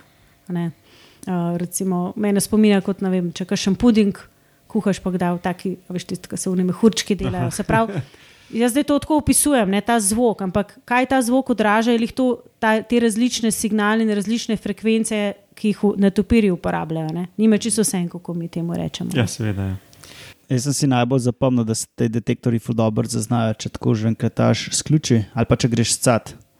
Ja, v bistvu z njimi šele vidiš, kaj vse ima ultrazvok. Oziroma, kaj je tisto, kar recimo spektr zvoka, če rečem, kaj ga mi slišimo, pa pa še vse tisto, kar ne slišimo. Mm. Ne, tudi kakšne naprave uh, oddajajo ultrazvok. Ne, sploh te stare televizije so imele neko frekvenco, pri katerih uh, si lahko pol z detektorjem zaznal. Ti nisi tega opazil, ne, ampak ja, si, si. to je, ja, si, joj, to. to je pa bilo ugasne, na meni je šlo fulne živce. Ne, ampak je pa to dober. Dober komentar. Ljudje smo različno občutljivi na to. Ne? In eni, recimo, lahko uh, več ultra, bom rekel, više frekvence zaznajo kot drugi. Mm. In uh, otroci zaznajo več kot starejši. Ne? Tako da le so pač ne pripričevati babico, da nekaj slišiš, ne? ker ona res tega ne sliši. Ne? in zdaj, ko smo bili pri človeškem preučevanju netopirjev in našemu stiku z njimi, kako pa je kaj z ogroženostjo netopirjev tako globalno kot pri nas, pa kaj lahko mi naredimo, recimo, um, ali pa kaj lahko vem, vsak posameznik naredi. Se vemo, da ne, da ne smemo ekosistemov uničevati. Ampak...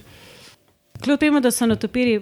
Živijo v bistvu dosta omaknjeno življenje od človeka, se pravi, da jih marsikdo tudi redko, redko kdaj sreča v življenju ali pa res vidi v življenju. Uh, uh, pa v bistvu ljudje z svojim delovanjem zelo negativno vplivamo na nje. In veljajo za ene najbolj ogroženih sesalcev v globalnem smislu, se pravi na svetu, pa tudi pri nas. Zdaj, kaj je tisto, kar jih ogroža? Najbolj očiten, oziroma naj, največji faktor ogrožanja je preganjanje iz zatočišč. Mogoče velja povedati to, uh, da netopiri si ne delajo svojih gnezd ali pa si ne gradijo svojih zatočišč, ampak uporabljajo strukture, ki obstajajo v okolju. To so lahko naravne jame, to so lahko drevesna dupla, to so lahko špranje v stenah, v skalnatih stenah in tako naprej. Zelo pogosto pa so se nekatere vrste eh, začele naseljevati tudi meka, v človeške stavbe, na podstrešja, v kleti, recimo za opaži in tako naprej. Zdaj, zakaj? Zato, ker jih v bistvu te strukture verjetno predstavljajo neko sprejemljivo, dobro alternativo tem naravnim strukturam, ne, in v bistvu potem lahko tudi taka zatočišča uporabljajo. Ljudje pa včasih to ne gledajo za odobravanjem, ali pa celo v bistvu zavestno ali pa aktivno preganjajo netopire iz takih zatočišč. Kaj to pomeni? Lahko je to recimo direktno preganjanje, lahko je pa to tudi samo zapiranje preletnih odprtin. Recimo podkovnjaki, ki živijo tudi pri nas, ne, ne morejo pristati na tleh in iti čez neko osko špranje. Se pravi, rabijo imeti prost prehod v zatočišče in primerno veliko odprtino. Če to odprtino zapremo, je to zatočišče za te živali izgubljeno. Podobno tudi gladkonosi na topirja, ne, če jim pač posem zamrežimo, tudi ne morejo več uh, prijeti nazaj na odprt. Tako da je v bistvu to eden prvih, pomeka, takih najbolj očitnih načinov, kako jim v bistvu onemogočamo bivanje na enem območju. In če še upoštevamo to, da se lahko na zatočiščih najde ne samo več deset, tudi več sto in tudi tisoč živali, je lahko preganjanje ene take skupine uh, predstavlja tudi recimo izginotje dela populacije z enega območja, ne z enega, z enega geografskega območja, jih lahko preženemo. Podzemne jame. Obiskovanje v času, ko, ko se noter, recimo, netopiri prezimujejo, uh, ali pa ko imajo noter porodniške kolonije, recimo če so to tople jame, spet pomenijo lahko vznemirjanje, zapiranje vhoda v jame, spet onemogočanje dostopa netopirjem. Potem pa seveda, kot si v bistvu že omenil, ne samo spreminjanje krajine, monokulture, izsekavanje in, podrobno, in podobno, vsekakor spet ne vpliva dobro na netopirje. In še ena reč, o kateri se mogoče še premalo gori, ali pa se bo, upam, zdaj spet malo več, je samo svetlobno nasnaževanje. Mi, človek je za svojim, svojo aktivnostjo tudi v temnem delu dneva, uh, si jo je mogoče tako, da se osvetljuje svoje okolje, s tem pa seveda spreminja to nočno krajino. Z osvetljevanjem povzroča več stvari. Eno je, da na same svetilke priletavajo žuželke, ki so plenne topirjem, um, in s tem se jih iz leta v leto uh, njihova številčnost in raznolikost manjša. Kajti, če si pristavno luči, se ne pariš. Uh, ne upravljaš, recimo, če rečem, grdo funkcije nadaljevanja svoje vrste. Brez dna. Ja, no, uh, druga reč je pa, da tudi nekateri, nekatere vrste netopirjev se aktivno izogibajo, uh, recimo, svetljenim območjem, se pravi, lahko na ta način postavljamo neke umetne barijere, v okolje, osvetlimo ne vem, neko, neko cesto in ne bojo pač več prečkali te ceste. Da ne omenjam same osvetljave, recimo nekih zatočišč, s čimer jim lahko podamo napačno informacijo o tem, da je zunaj še svetlo, pa ni, ali pa se pravi, zakasnijo njihov način izletavanja, nekatere vrste spet sploh ne zapustijo zatočišč. Veterne elektrarne, spet posebna zgodba. Uh, skratka, človek res za svojim poseganjem v naravo nepremišljenim poseganjem, pri čemer ne upošteva, izredno škoduje no, pač tudi netopirjem. Kaj pa te uh, uh, um, netopirence, ne? to, kar so kaj ene ptiče hiške za netopirje? To se da kje dobiti, to se da narediti, imamo kakšne načrte za to, kje, kje se lahko skrbimo s tem. Predvsem pa, da delujejo. No, tako ja. Hm. Ja, zdaj na topirnice so v bistvu gre za to, da se naredi nekako umetna zatočišča za natopirje, so iz lesa ali pa iz lesobetona, lahko se jih kupi, lahko jih tudi recimo, ljudje sami naredijo in nekako simulirajo, večinoma simulirajo drevesna dupla. Ne, ali pa neke špranje v, recimo, v, v stenah, ali pa tudi spet za, v drevesih. Se pravi, niso, s tem hočem povedati, da niso tako primerne za vse vrste netopirjev, lahko pa so zelo koristne za določene vrste netopirjev. In recimo ponekod po Evropi, bom rekel tako, kjer imajo bolj uničene gozdove, uh, se je nameščanje netopirnic izkazalo za zelo uspešno in so jih recimo zelo začeli naseljevati vrste, recimo Beštajnov netopir, ki velja za tipično gozdno vrsto netopirja. Kaj pomeni gozdna vrsta? To je, to je netopir, ki bo prebival, ki ima, ki ima svoje zatočišče v gozdu, se prehranjuje v gozdu ne, in tam je recimo to zelo uspešno. Pri nas um, imamo na nek način še kar dobro ohranjene gozdove, dosta raznolike, tako da zgleda, da netopiri lahko najdejo tam še dosti zatočišč. Kajti s tem nekako smo si razlagali to, da smo v enem obdobju nameščali netopirnice, ker smo namreč tudi skušali na ta način, na en način pomagati netopirom, na drug način pa videti, kje vrste bi jih naselile in smo bili zelo neuspešni.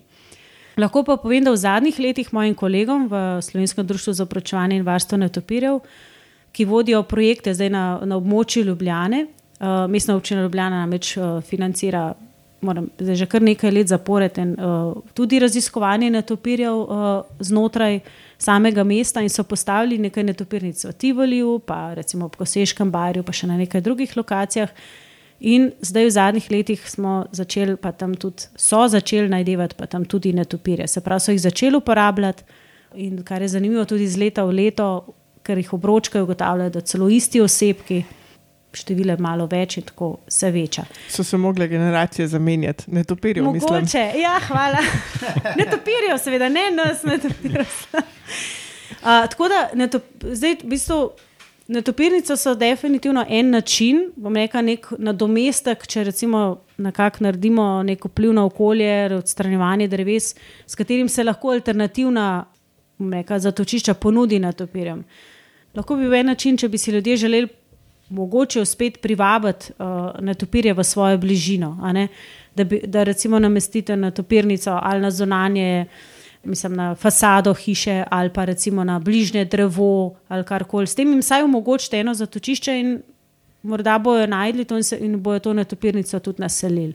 Tako da je recimo en način, kako lahko, bom rekel, pod narekovaj, no, tudi pomagaš netopirjem, no, ker jim ponujaš za to čiščenje. Človek, ki to želi kupiti, lahko kupi pri društvu za preučevanje netopirjev. Društvo ali... lahko da informacijo, ki se Aha. da kupiti, društvo direktno ne prodaja Aha. tega, lahko pa tudi na stranih društva uh, se najde pač načrt, kako si lahko sam izdelaš svojo netopirnico, namreč za primernimi kosi lesa si lahko, lahko tudi pač to narediš. Ne? Seveda gre za.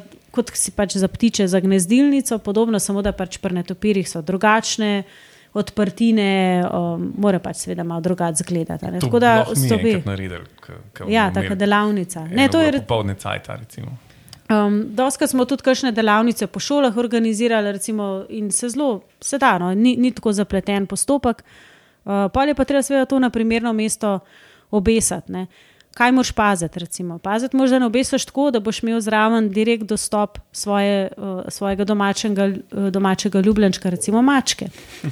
Ja, uh, ja, dejansko je treba na to pomisliti. Se pravi, ko obesiš nekaj tazga, če hočeš privabiti na topirje, mora biti tako, da, ne, da ni pač do tiste špranje direkt dostopa ali od mačka ali od kune ali kar koli, to so pač njihovi plenilci.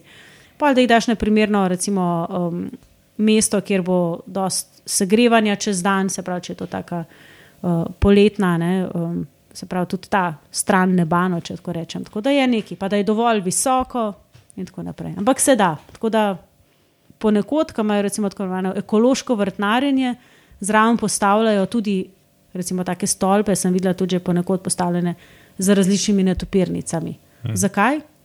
Če privabiš v bližino netopirje, si si v bistvu privabil naravni insekticid. Ja, jaz hočem zaradi komarjev imeti. Ja, tako, tako. In to je primeren, ki ja. meni to je. Ne? Ja, ja, vsekakor. Ja, tudi, tudi te po interesu. Ja, ja, ja res je. Res je. Mi dva smo zelo sladka za komarje. Ja. Ne vem, če, če je dovolj nekaj netopirja za vse te tigraste, ki so tukaj v tem ja, ja. Ne, gotovo ni dovolj, ampak če je ta dva manj. Le. Da imaš vsaj zadoščenje, da rečeš, ja. da jih je vsaj malo manj. Ja tem, z tega vidika ja. pa res. Je pa res mogoče to, no, bi pa pri tem pokomentirala. Doskrat pa ne pomeni, ne, da če imaš ti nekaj zatočišča, da bo, da, ali pa če recimo, da, vem, sediš na terasi, ob romantičnem večeru ali kakorkoli, pa, začnejo, pa opaziš netopirje leteti okrog, ne pomeni, da so te netopiri dejansko, da imajo zatočišča čisto blizu. Spravno, netopiri lahko med mesti, kjer se prehranjujejo in med, in med zatočišči, kjer prebivajo čez dan, preletijo več kilometrov, tudi 10 km, 20 km stran. Spravno, včasih bojo prišli na te komarje tudi kašni, ki so mogoče malo bolj daleč čez dan. Mm. Ampak, če jih bo res veliko, pa če so res slastni, bojo pa tudi sem. Kaj pa, če kdo najde kakšnega poškodovanega ali pa na tleh, tako kot si ga ti našla, recimo, ko si bila mlajša? Ne? Ker pogosto se zgodi, da ljudje najdejo netopirje. Zdaj, ali kaj so take obdobja, ko se to najbolj pogosto dogaja? Recimo v času, ko se skotijo mladiči, pa so že malo taki ne mirni, pa so ne, pa mogoče malo preveč uh, živahni, pa v bistvu padajo dol iz špranje, recimo, vem, sploh tipično za kakšnimi opaži, pa jih najdejo ljudje na tleh. Mogoče jim da tudi mačke pr, prenesejo, kakšnega netopirja. Ali pa v času recimo teh selitev, uh, konc poletja, ko se, ko se recimo. Tudi takrat doskrat ljudi najdejo. So, so res prav eni piki, ko imamo več teh klicev. No, zdaj sem že namigal, kaj je v tem, v tem primeru za narediti. Če ljudje najdejo netopirje, kar, prvo, kar je, če mu želijo pomagati, je, je da netopirje omaknejo nekam na varno. Sprav, da ga ne pustijo ne vem, na tleh, na, na nekem žgočem soncu, ali pa da ga ne pustijo mački, da se naprej igra z njim. To pomeni, da ga potem z neko krpo ali pa z kakšno rokavico primajo in ga dajo v recimo, neko škatlo za, uh, od čevljev ali pa kaj manj, pač neko škatlo, uh, jo zaprejo, to, to je za podariti. Ne, ne morejo postiti odprt, ker na topirka bo vse pršo bo zletel. Ne, ne bo čakal, da aha, se mi, super se mi da, pač bo šel. Tako da je treba zapreti, seveda pač ta pokrov uh, primerno recimo, perforira, da imajo zrak. In v takem primeru pač priporočamo, da pokličajo člane Slovenskega društva za pročevanje in varstvo netopirjev.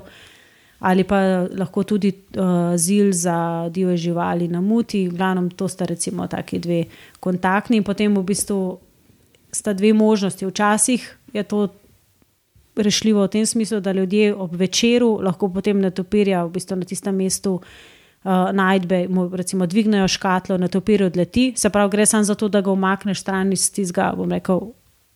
Z ja, stanja, ja, z neposredne nevarnosti, pa potem odleti. Zdaj, če pa ne topi rab določeno skrbo ali pa karkoli ga pa potem člani društva, recimo začasno vzamemo, pregledamo, v bistvu, kje je vrsta. Je. Tudi iz tega vidika je zelo zanimivo, in potem ponavadi v najkrajšem možnem času spustimo, ne, če z netopiri vse v redu. Včasih rabijo pa frizer. Ja, mogoče je tudi ta komentar na mestu. Ne. Včasih moramo pa ljudem vendarle povedati, da je določen razlog, zakaj so najdel. Ne. Razlog je enostavno to, da je lahko žival ne mogla, da je lahko ranjena, karkoli. In ni vedno tisto, da ti nekomu, ne, da taki živali pomagaš, žal razpletni zmerom pozitiven, v smislu pozitive, da se žival vrne nazaj v naravo, bi po vsakem primeru rekel, da vsi ti podatki o vrstah netopirjev prispevajo k temu, da boljš razumemo, kje so, kje živijo. Um, zdaj smo že kar nekaj analiz iz preteklih let naredili, recimo, uh, prav, kakšni so, kakšne so recimo podatki, kakšen je doprinos podatkov, teh, ki jih dobimo od naključnih najdb. Mi smo gotovili, da v bistvu kar za nekaj vrst vemo, kar nekaj ključ, mislim, zelo pomembnih informacij, prav iz to vrstnih najdb, kje se nahajajo, kdaj jih najdejo in tako naprej. Tako da lahko tudi čez to prizmo pogledamo. Ne? Čeprav recimo te eni živali ni bilo pomoči, smo pa vendarle uh, prispevali k temu, da pa pač poznamo vsaj razširjenost te vrste, malo bolj in s tem lahko mogoče dolgoročno. Eh, pomagamo k temu, da bomo to vrsto bolj varovali v prihodnje. Namreč ti moš poznati, ki nekaj živi, da veš, pa, kako to ustrezno varovati. Če imaš počasi krno vprašanje. Ja, mislim, da smo že dovolj dolgi. No, ok, pa najboljše, da gremo res kar na vprašanje poslušalcev, ki jih je kar nekaj. Teda hvala vsem poslušalcem, da um, so si vzeli čas, pa so pisali. Ok, pa grem kar po kronološkem vrstnem redu. Danilo na Facebooku je vprašal, Eh, do kakšne velikosti lahko netopiri slišijo odboje od predmetov, in ali so kakšne raziskave, da sta se netopirjem del za sluh in vid spojila, zmanjšala, zvečala tri pikice. Spravi to, kar se tiče velikosti predmetov, smo že govorili, ne? prej različne frekvence, eh, manj kot glas, um, tanke strukture zaznajo. Ne? Um, Ja, to smo že nekako Ja. povedali, in vsekakor imajo pa pač izredno razvit pač ta slušni del. aha, mogoče nismo Um, specifično povedali, da to, da eholocirajo, ne pomeni, da, ne pomeni, da so slepi. Ne? Ja, to je zelo dobro izhodišče, še za to. Je Ja. sploh kakšna vrsta, ki je prav slepa, slepa. Ni slepe vrste. V bistvu vsi netopiri imajo oči, ne, tako da niso slepi. Zakaj pač. Ne, zakaj ta slepi miš in tako naprej je v bistvu uganka, no, ali pa pač spet en predsodek uh, človeka, ki je temu dal. Sprav, netopiri imajo vsi razvite oči, uh, naj bi bile pač tudi normalno funkcionalne, uh, nekatere vrste pa naj bi celo bile zmožne zaznavati tudi odboj, se pravi ultraviolično barvo, se pravi tiste, ki se pač hranijo na, na cvetovih. Uh, vendar pač vid ni primaren pri tako imenovani skupini malih netopirjev. Za razliko od prej omenjenih letečih uh, psov oziroma letečih lisic, kjer pa vid je primaren za orientacijo. Tako da tisti imajo tudi ustrezno večje oči, ne tako izrazito velike oči. Ostali netopirji imajo pa majhne. Um, no, s tem povezano je vprašal Ragnar Belial, če vemo, kako je prišlo do mita, da slabo, oziroma sploh ne vidijo. Aha, zakaj je prišlo do mita, da slabo vidijo? Ali ne vidijo. Jaz, če po sebi sodim, Ja. ja. jaz sem res bil, ko sem um, bil otrok, so mi tako nekako razložili ostali, da pa ne topiri pa ne vidijo, ampak Mhm. nekaj druga delajo. Ne? Ja, mogoče pa je bilo to v bistvu ne toliko. Ne vem, mogoče je bilo pa to enostavno iz tega, da so bili v temi aktivni in takrat ti tako ne vidiš. Mogoče to iz tega, mogoče sploh ni bilo tako napačno. Ne? Če tako Ja, pogledaš, se res ne. Ne uporabljajo videa za to orientacijo, kaj ti bo vid, se pravi, valjda so slepi, ne? če ne uporabljajo videa za orientacijo. Tako Da, ne vem pa res, odgovor, odkot ta mit, ne? Mhm. odkot recimo prav to. Mogoče še to majhne, relativno majhne oči imajo, ne? tako da mogoče tudi oče kdaj videl viset na topirja, pa ne bil pozoren na to, mislil, da jih nima ali kaj sem. Ja. Ok, gremo naprej. Janko na Twitterju je vprašal, da bi mogoče lahko kakšno besedo namenili temu okoli stekline pri netopirjih in če se pri nas kaj spremlja stanje okuženosti. Ja, netopiri so z vidika samih, recimo, kot nosilcev določenih virusov ali pa bolezni, tudi zanimiv predmet proučevanja. Namreč lahko recimo, so sami rezervoari virusov, pa ne zbolijo. No, to je mogoče en čist tak komentar. Zdaj, kar se pa tiče samega virusa uh, stekline, je, je pa tako, pri netopirjih se, se pojavlja druga, drug tip iz te pač družine, v kateri imamo sicer norma, ta virus stekline, ki se pojavlja pri lisicah, je drug in sicer tako imenovan Liza virus različnih tipov. Imamo Liza virus 1, Liza virus 2, ki je bil pojav, pač najden tudi v Evropi. Seveda se je postavilo vprašanje, kako je s tem pri nas. Predvsem sta dve vrsti, ki sta, ki sta bolj znani, da pač lahko imata ta virus. Kar sem pogledal, v letih 2008 do 2012 je tudi um, so veterinari spremljali v, bistvu, v povezavi z raziskovalci netopirjev, ali bi zaznali ta virus v ozorcih. Bilo je analiziranih, mislim, da preko 200 osebkov, prav ciljno, kjer so bili pobrani vzorci sline ali pa krvi, potem še nekaj preko 300, oziroma še več osebkov, uh, ko so recimo smo najdel trupla ali karkoli. Uh, in so potem to pač kolegi na veterinarski fakulteti analizirali, in, in pri nobenem niso potrdili uh, prisotnosti liza virusa. Tako da lahko rečemo na podlagi res neke konkretne raziskave skozi več let, da je verjetnost, da se pri nas ta virus uh, pojavlja izredno majhna, oziroma praktično nična, vsaj zaenkrat. Se pa pojavlja recimo v severnih delih Evrope. Se pravi, če se pri nas klop napije na stekli lisici, ponavadi ne gre pol na netopirja. Uh, to je pa sploh.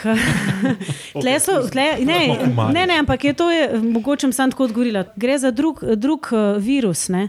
Pri lisici gre za drug virus stekline, oziroma A ja, to, a ne, prav drug tip virusa. In v bistvu tudi pravijo eni, da se sicer raziskovalci netopirjev moramo biti cepljeni proti tej običajni steklini, ampak so pač nekateri, ki pravijo, da ti to, če bi prišel v stik s tem liza virusom, ne bi pomagali. A ne, ker gre za pač drug tip, tako kot pri gripah. a ne. Ja. Ok, Janko je postavil še eno vprašanje in je rekel: A ja, pa še to. Vsi imamo netopirje pred očmi, bodi si v zraku ali viseče z glavo navzdol. Kako pa je z reprodukcijo, parjenjem, predvsem pa kasneje z deglom mladičev, sesanjem oziroma skrbjo za njih? Ok, to je vse, hvala.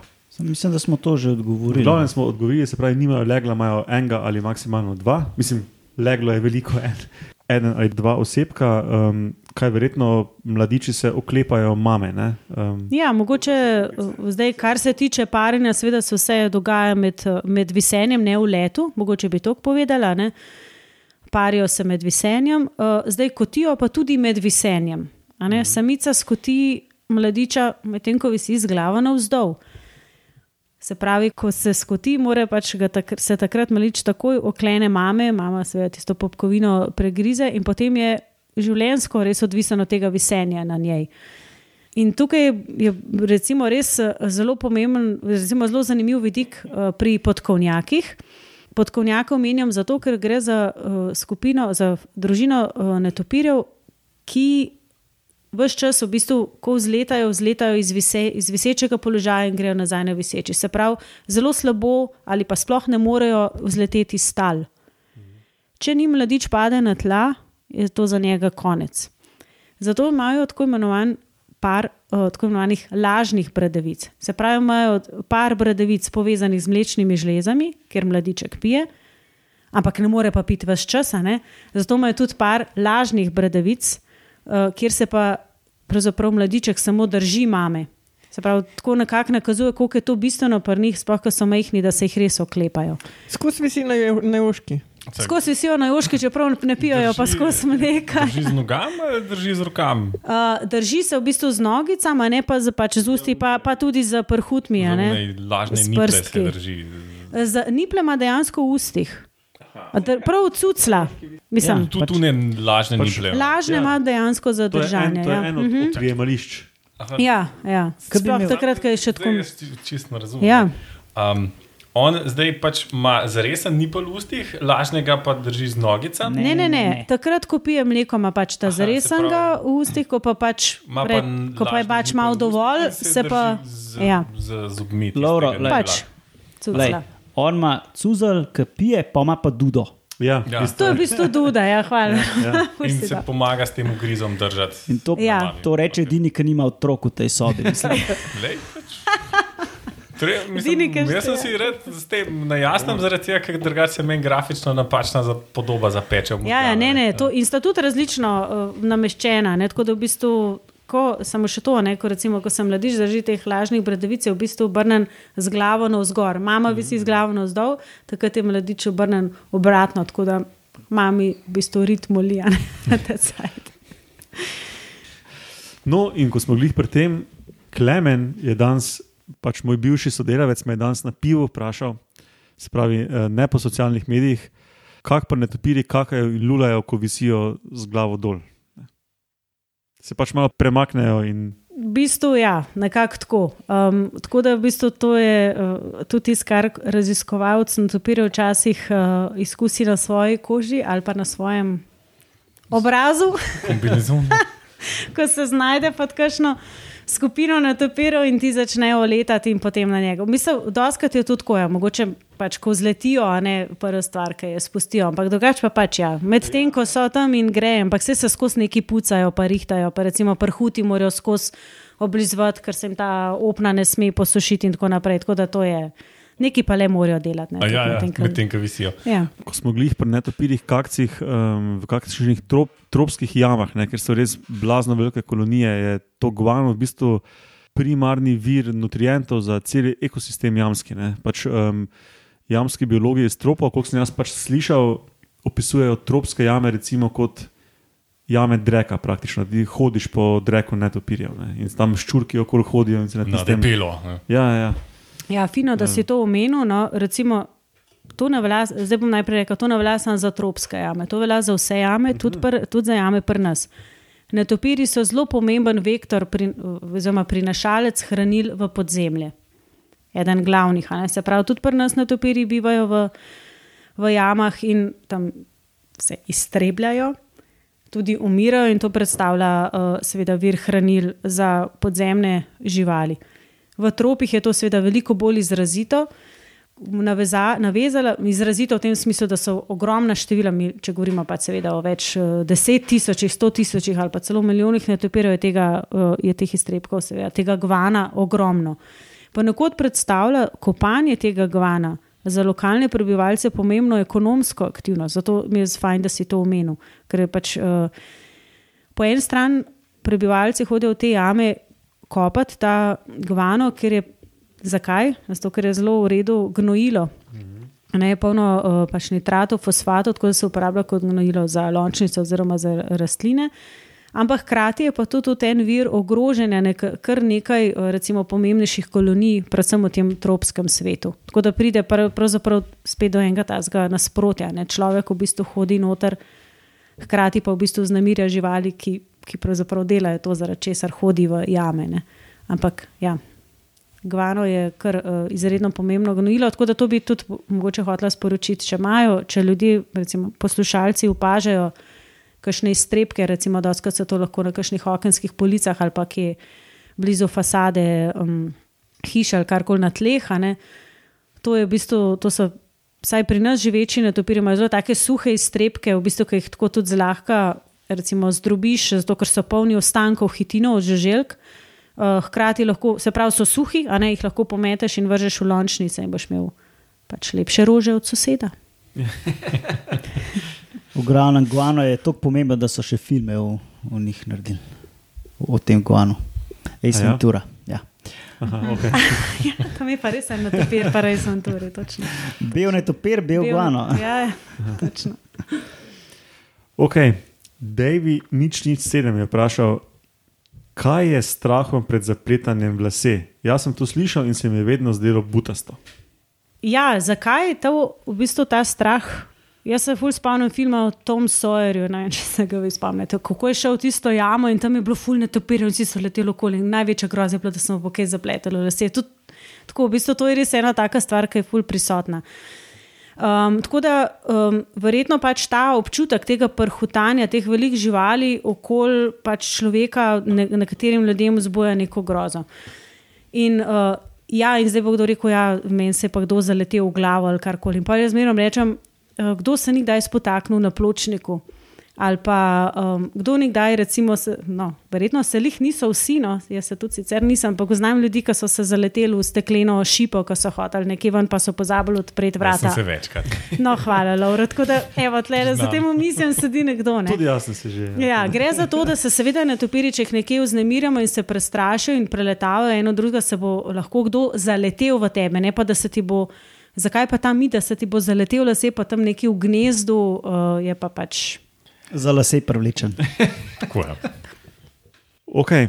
Naslednji na spisku je naš prijatelj Igor R. iz Ptuja, dolgoletni poslušalec in vedno vpraša. Tri vprašanja je postavil.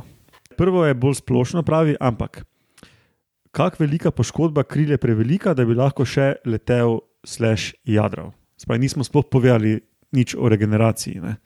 Izredno uh, zanimivo je to, da recimo netopiri, sicer sem omenila, ne, da so zelo dobri letalci v gostem rastu, ampak se pa zgodi, seveda, da se tudi zataknejo za, vem, za kakšen trn ali pa za kakšno vejco in imajo lahko poškodbe, recimo tako, če nastanejo pri njihovem gibanju, kakšne mehne um, luknjice in te se res lahko zarastejo.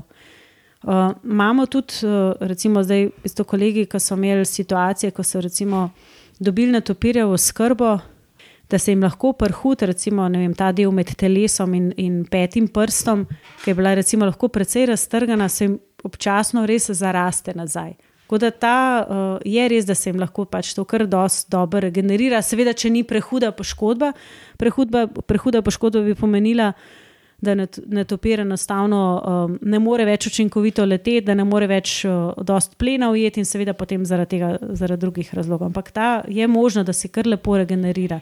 Nekje sem tudi uh, videla, da občasno vzamemo del, se pravi, tkivo netopirjev za genetske raziskave, vzamemo prav iz prhuti.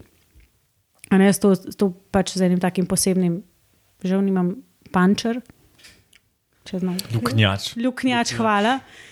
Luknjačem vzamemo, to je recimo ne vem, nekaj, mogoče 3 mm premjera, uh, velika luknjica, ki jo narediš, in na kje v treh tednih se ta luknjica že dovolj zaraste da, da je pač, mislim, itak že v štartu ne motne topirje, ampak tako. tako da, ja, to, do neke mere je kar možno, ja, da si kar lepo zacelijo. Mhm.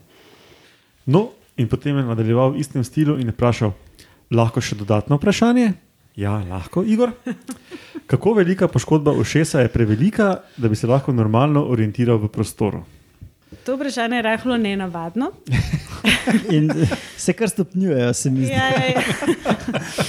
Ne vem, kaj misli pri poškodbi ušesa. Bom pa tako rekel, če bi na topirju zamašil ušesa, bi bil to za njega konec. Zdaj, kaj pa pomeni zdaj? Misli, če mu uhel. Od tega pa ne zna. Ja, Ja, to- tega pa ne zna povedati. Hočem reči, da bi v tem ki bi jim primeru. Rezali uhle in gledali, kako. Da bi jim prav rezali uhle, ne, je pa bil eksperiment, žal se ne spomnim točno imena, mislim pa, da je bil Spalancani, je delal eksperimente, ki mu ni bilo jasno, kako se na topiri orientirajo, je delal take malo krute eksperimente na njih. Dokler jim ni všes z voskom zadelal, ko niso pa več mogli nič. Ja, všestno maslo je, ne topirjeva smrt. Veš. Viš, zato so v resnici na, na glavo obrnjeni, zato, zato da jim všestno všestno maslo maslo. Bravo, bravo, bravo, bravo, to je dobro, to je dobro. Je pa, mogoče bi sam še to. No. Uhle pa definitivno, nekatere vrste zelo aktivno premikajo in s tem, ko premikajo uhle, si tudi zboljšajo ta sprejem.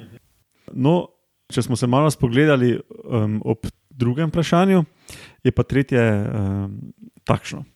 A še eno o reprodukciji vprašaj. Kako velik je dovolj velik, da oplodi smajli, smajli, smajli? Na kar mu je že na Twitterju odgovoril Janko, ta je prej, je prej, ta, je- to je ta, ki je prej vprašal o steklini. Um, in mu je dal eno sliko zraven, ne, ker je bil kar impresiven, dingle, dongle. Ne, tam. Tako da um, ne vem, če moramo iti full v Ja, jaz bi sam pokomentirala to, da. sliko ni treba je tudi detajle. Ne. Mogoče bi sam to pokomentirala, ne? da pri netopirjih ni težko določiti spola. No? Uh Mhm. -huh. Samci imajo pač izrazit penis, ki se ga da lahko opaziti. Na to bom rekla. Um, no, bomo dali tisto sliko v zapiske um, ali pa se povezavo na tweet. Gremo naprej. Just Ismet je vprašal. A obstaja človek, ki se ne boji netopirjev? Jaz se jih neč ne bojim, se bojim pa pajkov. Vse mu je par minut, mu je par minut kasneje um, že odgovorila ena druga, in um, kako so cute, in da ona se jih pa ne boji, da to je brezpredmetno vprašanje in gremo naprej. Ampak vseeno, um, dragi Ismet, hvala. Um, Sara Mekinc je vprašala, če je mogoče netopirja udomačiti oziroma trenirati karkoli. In če ja, zakaj in kako. Ja, da topiri so izredno bistre in te- inteligentne živali. Tako, to, s tem bom začela. In v bistvu nekaj raziskovalnih laboratorijev po svetu ima netopire tudi v ujetništvu, uh, kjer za, za njih seveda primerno skrbijo in z njimi v bistvu lahko izvajo vedenske poskuse. Se pravi, ne gre za ne vem, neke poskuse, kjer bi živali trpele, ampak jih v bistvu ne vem, naučijo recimo leteti mimo kakšnih ovir, ali pa jim dajo na izbiro, ali bojo letelo v eno smer ali v drugo smer. Uh, in netopiri se v bistvu v tem zelo hitro se naučijo, kaj recimo nek, uh, nekdo hoče od njih, in se tudi zelo hitro odzovejo in začnejo recimo sodelovati. So tudi lahko dost uh, zainteresirani za, za to vrstno no, uh, interakcijo s človekom. Tako da tudi v bistvu. Um, kolega se je s tem zelo veliko ukvarjal v, v Nemčiji in je v bistvu z, s, treniral v bistvu na topirje, da je lahko potem dobil vprašanja o njihovem vem, zaznavanju okolice, o njihovem medsebojnem zaznavanju njihove lokacije, zaznavanju plena, s tem, da jih je treniral. Ampak to je, to je drugo vprašanje od tega, ali se jih da udomačiti. Na topiri so divje živali. Ne, tako da v bistvu že v štartu uh, in še ogrožene živali, v štartu je v bistvu taka misel, seveda je lahko, lahko zadržuje žival neko določeno obdobje v ujetništvu, zdaj ali si jo zares udomačil ali ne, je pa drugo vprašanje. Tako da, da to v bistvu ne bi komentirala, bolj bi rekla, če že pride kdaj v stik nekdo z natopirom, naj ga čim prej. Pač, če se le da vrne v naravo, kjer pa pač neko vlogo in, to, in jih raje opazuje v naravi, no, ne, da ta misel na udomačevanje mogoče ni tako Ja, se na absolutno prvem strinjam. mestu. No. Um, ok, Alenka je vprašala, kaj narediti, če po zimi najdeš prezeblega, otrplega netopirja. Oklepaj na mig, ne pozabi, da žival leti, kapslo leti, ko pride k sebi, smajli. Vse to smo že v bistvu odgovorili. ne? Um, To je Ja. bilo vodoma čist. Ja, v bistvu, no, dobro, jaz sem zdaj povedala eno izkušnjo, ki je bila takrat, da je na topiru odletel.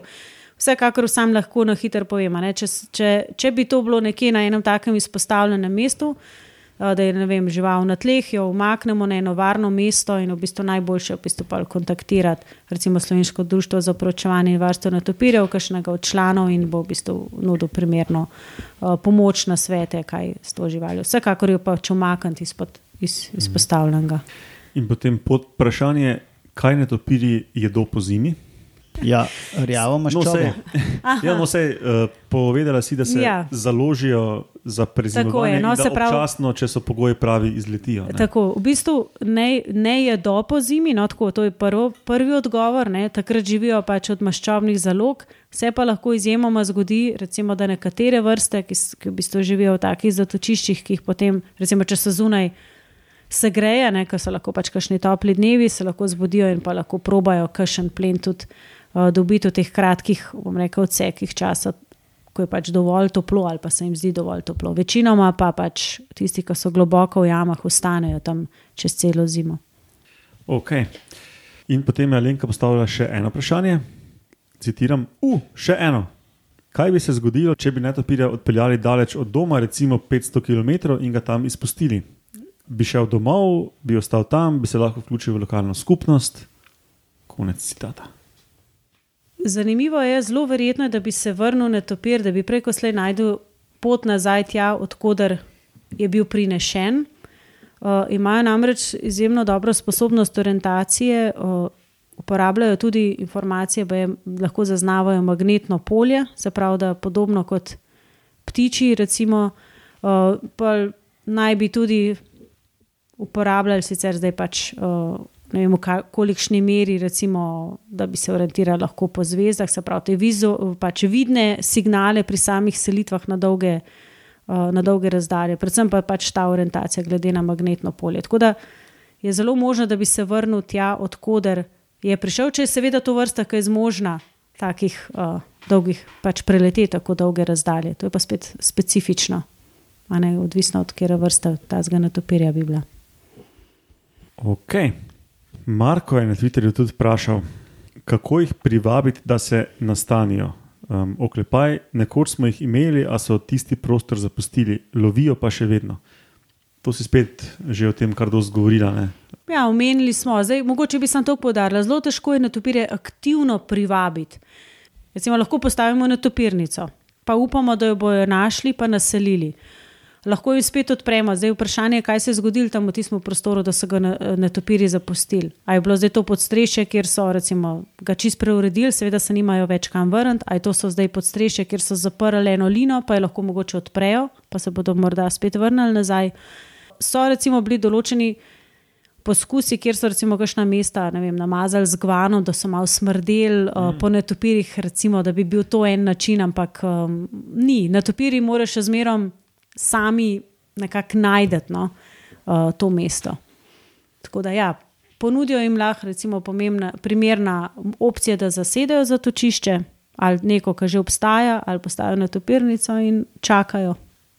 Mhm. Potem imam pa še zadnje vprašanje, ki si ga tako čudno označil, da ne vem, ali je to tudi vprašal Marko ali nekdo drug, pa sem si pozabil zapisati, kdo. Teda, če je kdo drug, se oproščam.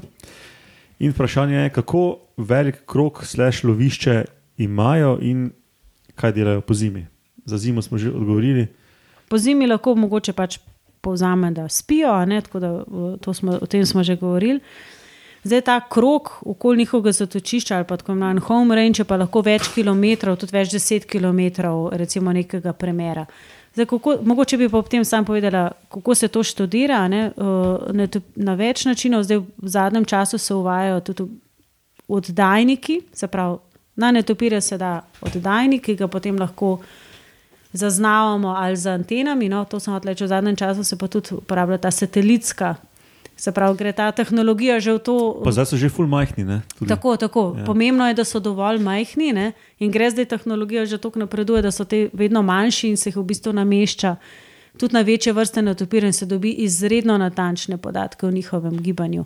In tako lahko pa tudi vemo, v bistvu, kako daleč od samih zatočišč grejo. Tako da še tle bi lahko spet izkoristila priliko, da podarim, da za, tudi za samo varstvo netopirjev ni dovolj samo da se skoncentriraš na zatočišče, ne? ampak boš, v bistvu moraš cel, celo okolje, cel habitat okoli njihovo uh, mesto prehranevanja varovati.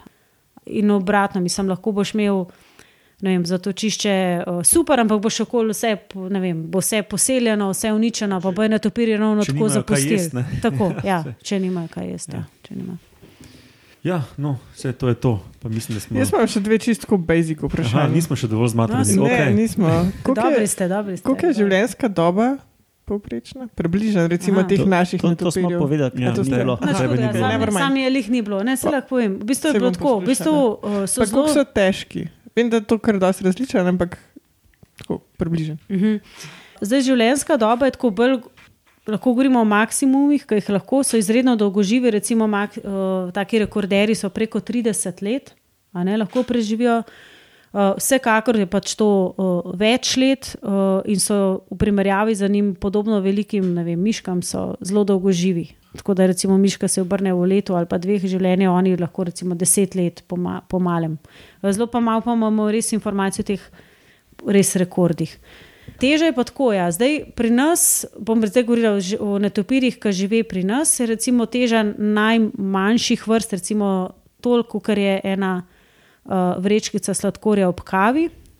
Spravi 3 do 5 gramov. Tako nekako 5 gramov. Recimo rečemo Pet- tiste pet je večja, običajne. tri manj, ja. Jaz Tri so se zdaj pojavile. Videl pa štir. Ja, no, se, vse okay, sorte je. hvala. Torej, moram povedati, kot 5-gramska vrečica. Ja, Včasih ja. so bile samo 5-gramske, Ja, zdaj to- so že to druge. res, ja. Ja, zdaj se, standard zdaj se je to ja. ful spremenilo. Ja.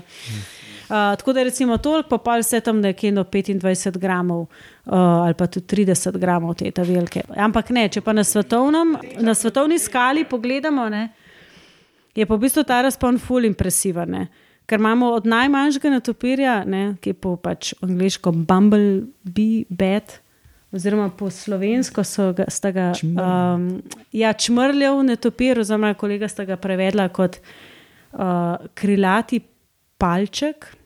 Ima samo 2 grama. To je, Ja, naj, to je v bistvu na spodnji meji velikosti sesalcev. Ja. Mislim, to je meni tako res nepredstavljivo. sploh, Čmrli ne. pir bi bilo boljše. Največji ima Ne, pa recimo tam so teže telesa, tam do kilo in pol, a ne? ali pa recimo ne vem, naj bi bile navedene tudi dva, ampak recimo tako skoraj kaj. Skoraj tisočkratni razpon, no, ali pa če rečemo malo manj. Mislim, in to že nakazuje recimo, na to vse raznolikost. V bistvu, No, in kje v Aziji tudi jejo te leteče lisice, pse. ja, se reče, so, ne? so tudi del, ja, tako, so mesa tudi del tega, njihove ja. prehrane, ja, dejansko. In verjetno tudi kašni, lahko, da so to že izkusili. Ja, dejansko. Kilo dve se že splača speč. Ne? Ja, in je to tudi spet en vidik, ne, um, pa meka njihovega ogrožanja, tudi konc koncev. ne, Ker če preveč tega, pa spet ni v redu. Jaz, jaz gledam uh, etruščanska roka, ki smo jo že tudi Ja, omenjali to v je spodnji oddaji. meji. Je ja, od 1,3 do 2,5 grama. To je pa, kot ena miška, pa je velika za približno en členk na roki. Ta, Ja, ja, ampak- velikost. Zanimivo je, da te so v bistvu edina vrsta svoje družine. Ne, in naj bi bilo tam, recimo, ranga okoli, samo še okoli 5000 osebkov globalno živijo ne vem, na Tajskem in v Mjanmaru in so na jame vezane vrste.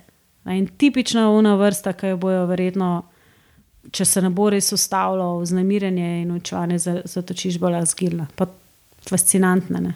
dva grama. Dve kile pa pol jih je sam še na svetu. O, Marič,